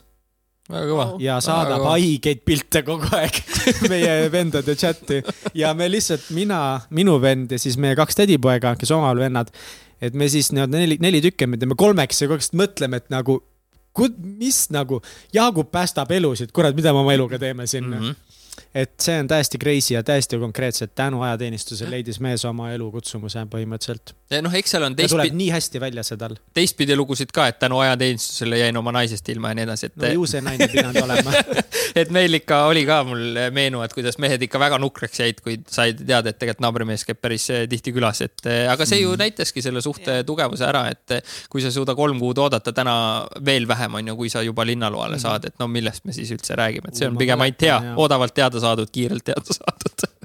Meil tuli ühel tüübil tuli tüdruk ka, tuli sinna ja, ja siis vaatame, et miks see kutt nagu nii õnnetu näoga ära tuleb, tüdruk tuli hüvasti jätma oi kui valus, oi kui valus. ja ta ei teadnud, ta nii ootas nagu noh, ongi mina ka ju, minul tuli tüdruk sinna ja see oligi äkki oligi esimene kord, ma arvan või. sest me kõik olime nii elevil ja minu endine kunagine siis tuli ja kõigil mingid tšikid ja nii rahul. oi, praegu sain naist näha, oh my god no.. No, vahet ei ole, millist naist, mis ei ole sööklatädi. seal on jah, meil ka läksid sööklatädid ikka ajaga lihtsalt järjest oi, ilusamaks. alguses oli see, et pirtsutad nagu, mis asja. lõpus oli nii, oo, tšau, sina. tere, Milvin aitäh, Milvi. see oli jah, noored mehed, noh, see testosteroon. poiss oli kurb ja see poiss oli kurb. aga eh, me tegelikult ei jõudnudki selleni, et nagu veel nagu, mis siis asjad olid tüütud ja nõmedad, siis ähm, kuidas see pihku panemisega teil seal oli? mina kusjuures konkreetselt otsustasin, et ma ei rahulda selle noorte aja jooksul, sellepärast ma nelikümmend kaheksa sekki kestsin ka pärast, kui ma välja tulin. et see oli konkreetselt nagu otsus tehtud, et eh, davai, ei. ajakirju vaatasime, FAM oli meie, meie ajal, Playboy oli, et siis eh, jah, need, need olid, neid vaatasime, aga ei onaneerinud. mind traumatiseeris see, kui mingi vene kutt nagu üks õhtu kuuleme kõik nagu, kõik toas kuuleb, nii kloppimine käib. mis, mis kloppimine käib, aga no mehena sa nagu päris kiiresti tead ära, mis kloppimisega on tegemist. ja ma kuidagi tegin saatusliku veo, ma keer-, keerasin nagu ümber teisele poole ja ta vaatab otsa mulle ja munn pihus. nii et sul jääb nüüd loota, et ta sinu peal lõpetas. ja, või, või kurat, äkki tal, ma ei mäleta, või tal oli tekk pooled peal, aga lihtsalt mind mm. põgen, mul jäi nagu see nägu meelde, sest ta vaatas minu poole nagu ja kuidagi noh, et nägi mind, et ma keeran ümber, aga no me käisime ikka kõik nagu WC-s öösel nagu poolsalaja. aga Et- see, et ta toas seda tegi, türa. me ikka, me ikka, tähendab, mina piinasin ja noh, eks paljud seal piinasid, sest eh, mulle meenub situatsioon, mis eh, ka raamatusse ei jõudnud. See oli üks suvine aeg, me olime olnud sees, ma arvan, sihuke kuus-seitse nädalat ehk siis noh, pikalt juba eh, seksist eemal. ja siis see oli üks eh, ilus leitnanti proua, kes teadis väga täpselt, kui ilus ta on, siis meil oli Rivi platsil eh, loendus. siis ta tuli sinna Rivi platsile, väga lõhnastatud vöörihm, mis siis ümber kere peaks käima, oli seal alla poole tagumiku peale nagu noh, Playboyst, siis ta käis meeste vahel lihtsalt ringi. Ja noh, siis me laulsime kõik eh, lipud püsti Eesti hümni, noh. et ta väga nautis seda, et eh, selliseid situatsioone oli, oli, kus see, kus tuli endaga nagu töötaja, et davai, keskendu nüüd õigele asjale, laula mu isamaad ja kõik on hästi, et eh, et jah, selliseid situatsioone tuli ette. Tarvi, tahad ka midagi jagada või? väga vaikne see. kuidagi ei ole sellel teemal küll midagi jagada. ma jagan ise siis veel. nii, küta Mihkel. ma mäletan ühte korda veel, mis seal on, mis on naistega on just seotud, et meil oli jõulude ajal, meil, meil oli nagu äh, mingi huvijuht. ma ei tea, kas teil ka oli pataljonis mingi huvijuht või asi või meil oli mingi, meil oli üks naisterahvas, kes nagu vaatas meil seda, kaplan, meil vee peal tegi mingeid asju Okei. seal aeg-ajalt. meil oli kaplan ja kaplan on siis äh, vaimulik vaimulik täpselt äh, ka- kaitseväes. vist. Jumal näeb, läks, kiire ja hea. vaimulik, tema on isa, tema aitab nagu seal ka, räägib poistega, proovib kuidagi toeks neile olla ja. Meil oli mingi naine kes tegeles sellega, et, et noh, et, et vahepeal push ida, et noh, et me läheks teatrisse mingi üksusega, mingit korvpallimänge käisin paar korda vaatamas, tema nagu Orgunnis.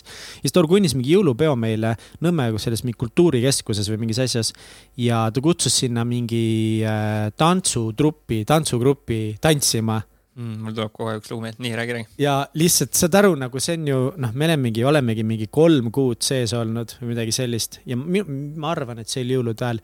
ja siis me läksime sinna Nõmme kultuurikeskusesse, on ju kõik mehed otse sealt kuradi pataljonist ilusti istume kõik rivi korras toolide peale ja noh, legit, noh, full hot'id, noored tantsutüdrukud nappides riietes ja ausalt öeldes nagu see muidugi väga ilusad tüdrukud, aga see lõpuks nagu tagantjärgi, see oli isegi nagu natukese nagu selles mõttes nagu rõve, sellepärast et ma lihtsalt teadsin, missuguse pilgu ja energiaga need kutid neid tüdrukuid vaatasid, kujuta sa, mingi sada venda on selles, noh, tulevad sealt pataljonist raisk mehed, pole keppi saanud. siis sul on tüdrukud persed hõõruvad, seelikud jutud.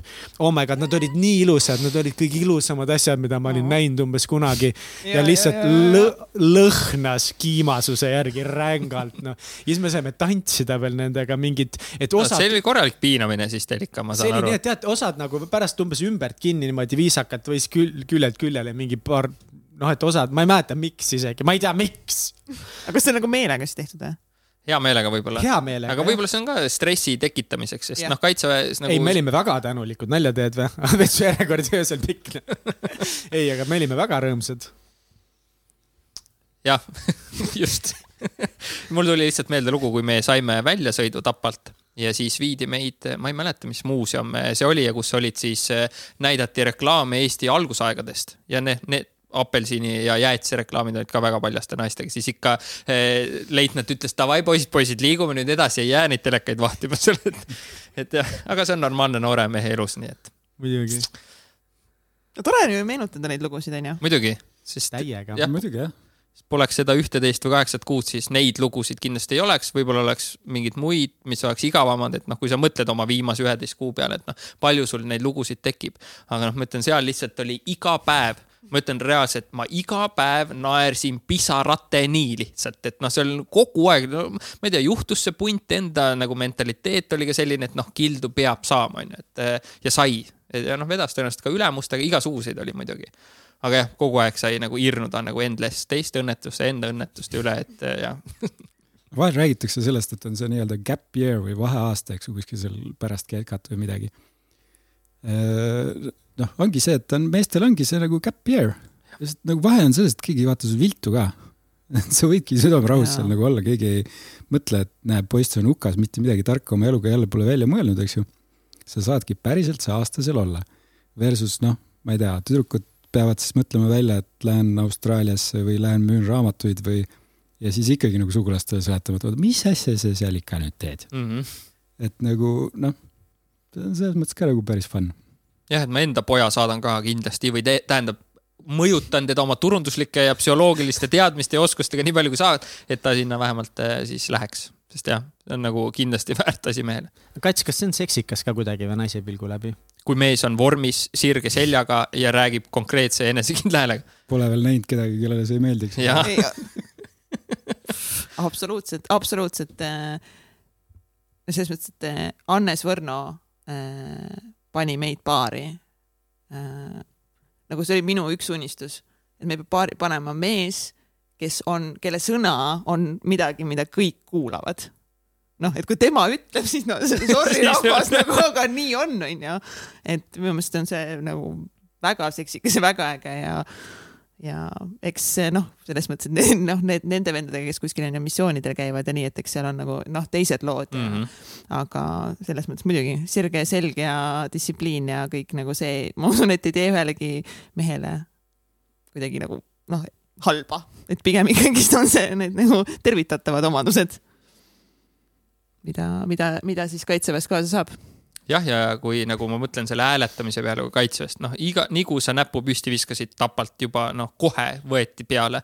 et võtsidki need, kes olid käinud või need, kes respekteerisid ja noh, sealt tuli ka iga kord ikka nagu väga põnevaid lugusid. ma omal ajal seal Venes kuradi igast laeva peal olin ja Põhja-Jäämerel kuskil ja noh, vägev, vägev kuulata, et eh, Munder kindlasti jah aitab igas mõttes, annab kaasa. ja endal oli samamoodi, et kui sa pühapäeval ühikast ikkagi hakkasid Tapa poole seiklema, mundri selga panid, see oli automaatselt nii, et see on bränd, see on see, mida ma esindan, on Eesti riik täna on ju, ajateenija. et kui ma sülitan maha ja riided on lohakalt, siis see on ju signaal, mille ma annan ka teistele edasi, et väärtushinnangud muutusid natukese, ma mäletan seda, et ma hakkasin väga uhkust tundma tegelikult enda üle.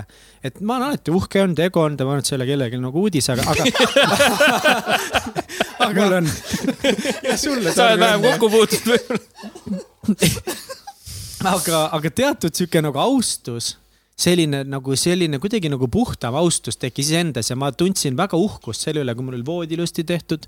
minu kapp oli üks kõige nagu no mul oli nii millimeetriga kõik no ideaalselt pandud kapp maasikas alles, mu kapis olid riided nii fucking ilusasti. ja, et sa ülemuseks ei saanud, ma teaks, milline see oleks olnud Oi, nende kappide kallal. rallit teinud räigelt, et ja, ja see oligi nii huvitav, et ma tundsin just uhkust selle üle, et mul on mm -hmm. kapp korras, mul on voodi hästi tehtud, mu jalanõud, saapad on nii viksitud. mul alati oluline kuidagi, et mul oli ka nagu täpselt samamoodi munder, et sa oled seljas, aga mul kuidagi eriti, et mul munder läks väga ilusasti ja, ja, ja sa kohe tunnedki teatud nagu uhkust ja, ja, ja, ja miks see on oluline minu meelest ongi see, et, et sa nagu et sa ei pea tundma uhkust selle üle, et sul on Porsche või et sa miljonär olema, sul peab Instagrami ilus punkt olema, et sa õpid olema uhke selle üle, et sul on nagu baasasjad korras. ma magan korralikult, ma söön korralikult, ma iga päev liigun, mul on munder viisakalt seljas, mul on kapp korras, ma olen väga uhke selle üle ma igatsen isegi seda tunnet. ja see ajateenistus kindlasti selle annab, aga Tarvi rääkis ka enne, et sinna nagu ka otsuste osas kiired otsused, et see tagasikukkumine on nagu ka, et kui sa ise sellega edasi ei tegele, üsna nagu kiire, et no ma sain seal ka väga heasse vormi ja nii kui kaitsevägi ära lõpp, ma lubasin, ma ütlesin, ma hakkan tegema trenni, ma jooksin seal vaheaegade kõik jäi ära, ma ütlen, me oleme vaadanud Hendriga, meil on salvestatud siis videoid, sööme nagu mõmmi limonaadi, saia ja mesikäpa šokolaadi ja olime naks jälle mingid sajakilosed poisid tagasi nagu paari aastaga, et see on üsna lihtne sealt ära libisema, aga ikkagi sa saad oma need baasteadmised, et nagu kui sa neid elus rakendada tahad, siis noh, sul on need olemas. jah, vähemalt sa tead, et see on võimalik. just.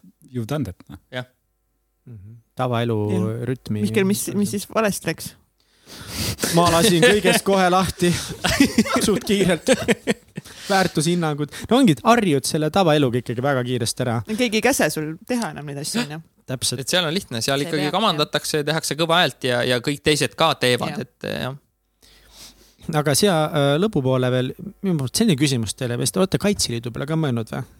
Toompea malevkond juhuslikult on väga tore koht kas promo sealtpoolt suunalt tuleb? See on juba vähemalt mingi kolmas kutse, et erinevatesse malevatesse minu puhul või isegi neljas, paar korda on sama no,. palju siis nagu tulema peab? Äh, ma olen mõelnud nagu selles mõttes, et äh, kuidas öelda, ratsionaalselt võttes ma isegi tuleks, aga praktilises mõttes äh, mul ei ole reaalselt praegu seda energiat ja aega, et sinna panustada, siis ma ei hakka lolli mängima ei ise ega ka teistele, et katteta lubadusi ei jaga.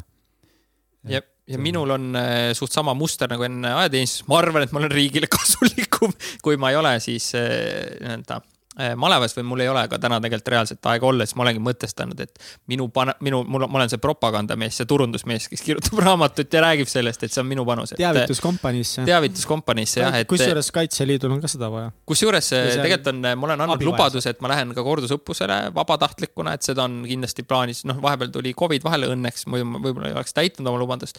aga, aga ka tagalasse, et saada tihedamat tagalõpet, et panna mind kuhugi kõrgemale positsioonile, et natukene rohkem panus kui võib-olla tavareservist küll.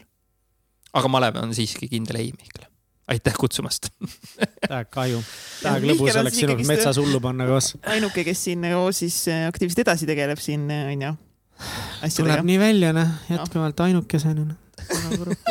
lootsin uusi kamraade saada, ega read on eredad. Noh. aga võib-olla keegi, kes seda saadet kuulab. ja, Toompea siis... malevkonda, tulge, tahate minna lihtsalt metsas hullu panna, suitsugranaate loopida, lihtsalt endless'i moona kulutada relva endless'i nühkida, puhastada? ei, ei pea. Äh, see, et ajateenistus nühkisid iga kord seda mingi mm -hmm. kolm tundi, siis äh, Kaitseliidus on nüüd ainult tund aega seda pärast sest jah, ajateenistuse aeg alati leiti. ja, ja asju. nüüd tulevad rahed Need jõuavad ka Kaitseliitu varsti, ehk siis uus relvastus, mille Eesti Kaitsevägi hankis, need on nagu, näevad välja nagu te filmis olete näinud mängudest. M4A1 on väga sarnased sellele. ülišefid. vastus on siis. on käes juba rahed, jah. jah. et jah, võrreldes meieaegse relvastusega on ikka asi oluliselt, oluliselt paremaks läinud. haigelt palju, jah. jah, varustus ja kõik, et äh, vägev mm. -hmm. nii et mehed, noored, kellel veel minek siis kaitseväkke aga kas, kuidas üldse sellega on, et äh, kui keegi varem nagu hiilis ära, näiteks mingi paar aastat tagasi, kas ta nüüd saab siis uuesti minna või? siis nad lähevad Kaitseliitu ei, aga tegelikult ma ei tea, kuidas see süsteem on, et kui keegi nüüd mõtleb, et ma hiilisin ära ja nüüd tahaks ikkagi minna, kas ta siis saab minna või ei saa või? tegelikult kuni mingi vanuseni ei saada, aga pärast seda enam ei saa üldse. kakskümmend seitse või? jah, vist peaks olema jah. kakskümmend seitse on vist see vanus et kui sa selle ajani suudad nagu kuidagi ära snihverdada, siis pärast seda vist tuleb prii. no pärast seda siis ongi see, et sa pead reaalselt otsimagi ise nagu võimalusi, noh, Kaitseliitu sa saad. ja, ja, ja, ja Kaitseliitu saad sa alati. sa pead samamoodi seal kõik need väljaõpped läbima ja. Mhm. ei, kusjuures otseselt nagu isegi SBK väljaõpet ei pea Kaitseliidus läbima mm.. et sa võid nagu ilma ka selleta olla täiesti. aga jah, parem on mitte viilida, sest mida hilisemas eluetapis sa lähed, seda rohkem sul on erinevat kohustust ja pagasit, mida, millega sa pead nagu tegelema, et ma ei tea, alates õppelaenudest, elukaaslastest, lastest, et koerast, küülikust mm. -hmm. peale keskat võib-olla on selles mõttes kõige nagu mõistlikum äh, ära käia. ja, ja sa saad ülikooli sisseastumist kõik ära teha mm, -hmm. kohad sooja, kohad lukku ja siis käid ära. kusjuures minu jaoks oligi need paar kuud seal olid äh, ka üks parimaid aegu üldse. ülikoolis oli kohtul ja soolas äh, ja samal ajal ülikoolis ei oodanud minust mitte keegi mitte midagi, sest ühtegi eksamit ma teha ei saanud. küll aga ma sain kõik rebaste peod ja kõik muud siuksed üritused kaasa teha ja siis rahulikult oktoobris minna teenistusse ja nii oligi. kust, kus siis seda just nii härra seersant raamatut endale soetada saab? Äh, Apollost, Rahva Raamatust ja tegelikult on äh, suuremad äh, poed ka, kus need raamaturiiulid väljas on, enamikes on olemas, et isegi Türi koopis, ma vaatasin, oli olemas. sättisin, võtsin ta teist tagant välja, sättisin ta teist ette, nii et kõik, kes kirjutavad raamatut, siis tuleb oma selle product placement'iga nagu tööd ja vaeva näha ise, et, et kui ma kuskil poes käin, siis ma ikkagi vaatan, kus see seersent on, et ikkagi tõstan ta siis ilusale nähtavale kohale jah, tegelikult me nüüd sõidamegi mööda ringi. ja et meil muud ei ole nagunii midagi teha, et nüüd me sätime raamatuid ümber. aga tegelikult jah, suuremad raamatupoed, neti, netis kõik on olemas ja kes tahab äh, näidispeatükki näiteks, et ei pea põrsast kotist ostmas ostma, siis ajateenija.ee, sealt lehelt saab ka näiteks peatükki lugeda ja vaadata, kas see kõnetab või mitte. täiega, minge, minge lihtsalt reaalselt, minge ostke see raamat nagu Vetemaa garantii. Vet-, Vetemaa topelt ja Timo topeltgarantii, et, et jah, üks endale ja üks eh, kingiks, et eh, siin jõulude aeg ka me saime ta napilt enne siis jõulu välja ja läks kingitusteks ja, ja paljud ostsid endale ja, ja väga kiitsid, et nii kingisaajad kui ka need, kes endale ostsid. Cool, davai paneme minema või? Davai eh, toen uh,. oota nüüd, Mihkel. ja vab, vabandust muidugi jah, nagu laias laastus ei, tegelikult ma ei mõelnud onju. kaitse õnneks, ma ütlen, meil on ainult kaitseväe jutud, vaata, mõtlesime, et need ära lõpetada, siis lõpeb podcast ära. pooled asjad oleks tegemata ja, siin. nagu selles mõttes, et on tore, et teie selle raamatu kirjutasite onju, aga me tahame lihtsalt teile lõpus ka enda poolt väiksed kingitused, et eh, te ka siin veel ikkagist õpiksite ja areneksite. absoluutselt, lugeda on endiselt vaja. Timo, sa need raamatud nüüd vaja tasa teha, mis sa siin ütlesid. valetasin jah, absoluutselt Timo meil siin suur, suur raamatusõber, et loodame taaskord, et siin on midagi, mida Timo veel. esimest ma juba näen, olen lugenud. oh väga hea, siis eh, saame võib-olla eh, mõtteid vahetada, aga siis eh, ja saate kumbki siis ühe raamatu valida siit Million Mindseti poolt. esimene on siis Darren Hardi eliitvõimendus, mida siin Timo juba ütles, ta on lugenud. väga hea raamat. on väga hea raamat, Timo garantii. siis siin on Simon Sineki Piirideta mäng mis mulle megalt meeldib mm, -hmm. hullult hea raamat, love it. John äh, C. Maxwelli siis viisteist hindamatut kasvuseadust, järgi neid ja saavutama potentsiaal. Timo topeltgarantii raamat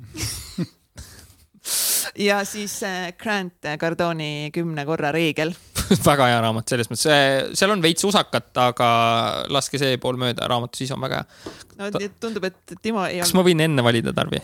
mul on üks, vot seda, seda mul ei ole.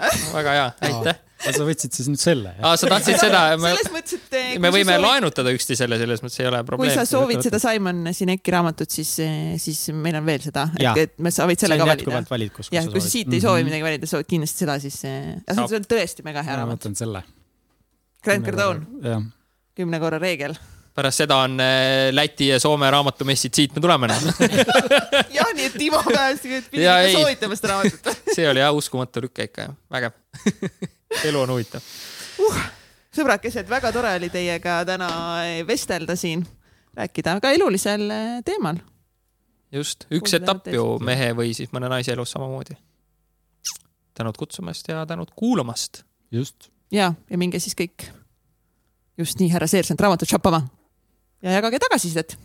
just. kuidas on? ja jagage tagasisidet ka selles osas, et kui sa oled käinud äh, kaitseväes, siis milline oli, oli sinu kogemus või sinu venna või poja või kellegi teise kogemus, et jaga meiega ja mis sa üldse arvad, kas on vaja siin kaitseväes käia või mitte? jep, nii on pange puid alla täiega Davai, tšau. tšau. tšau.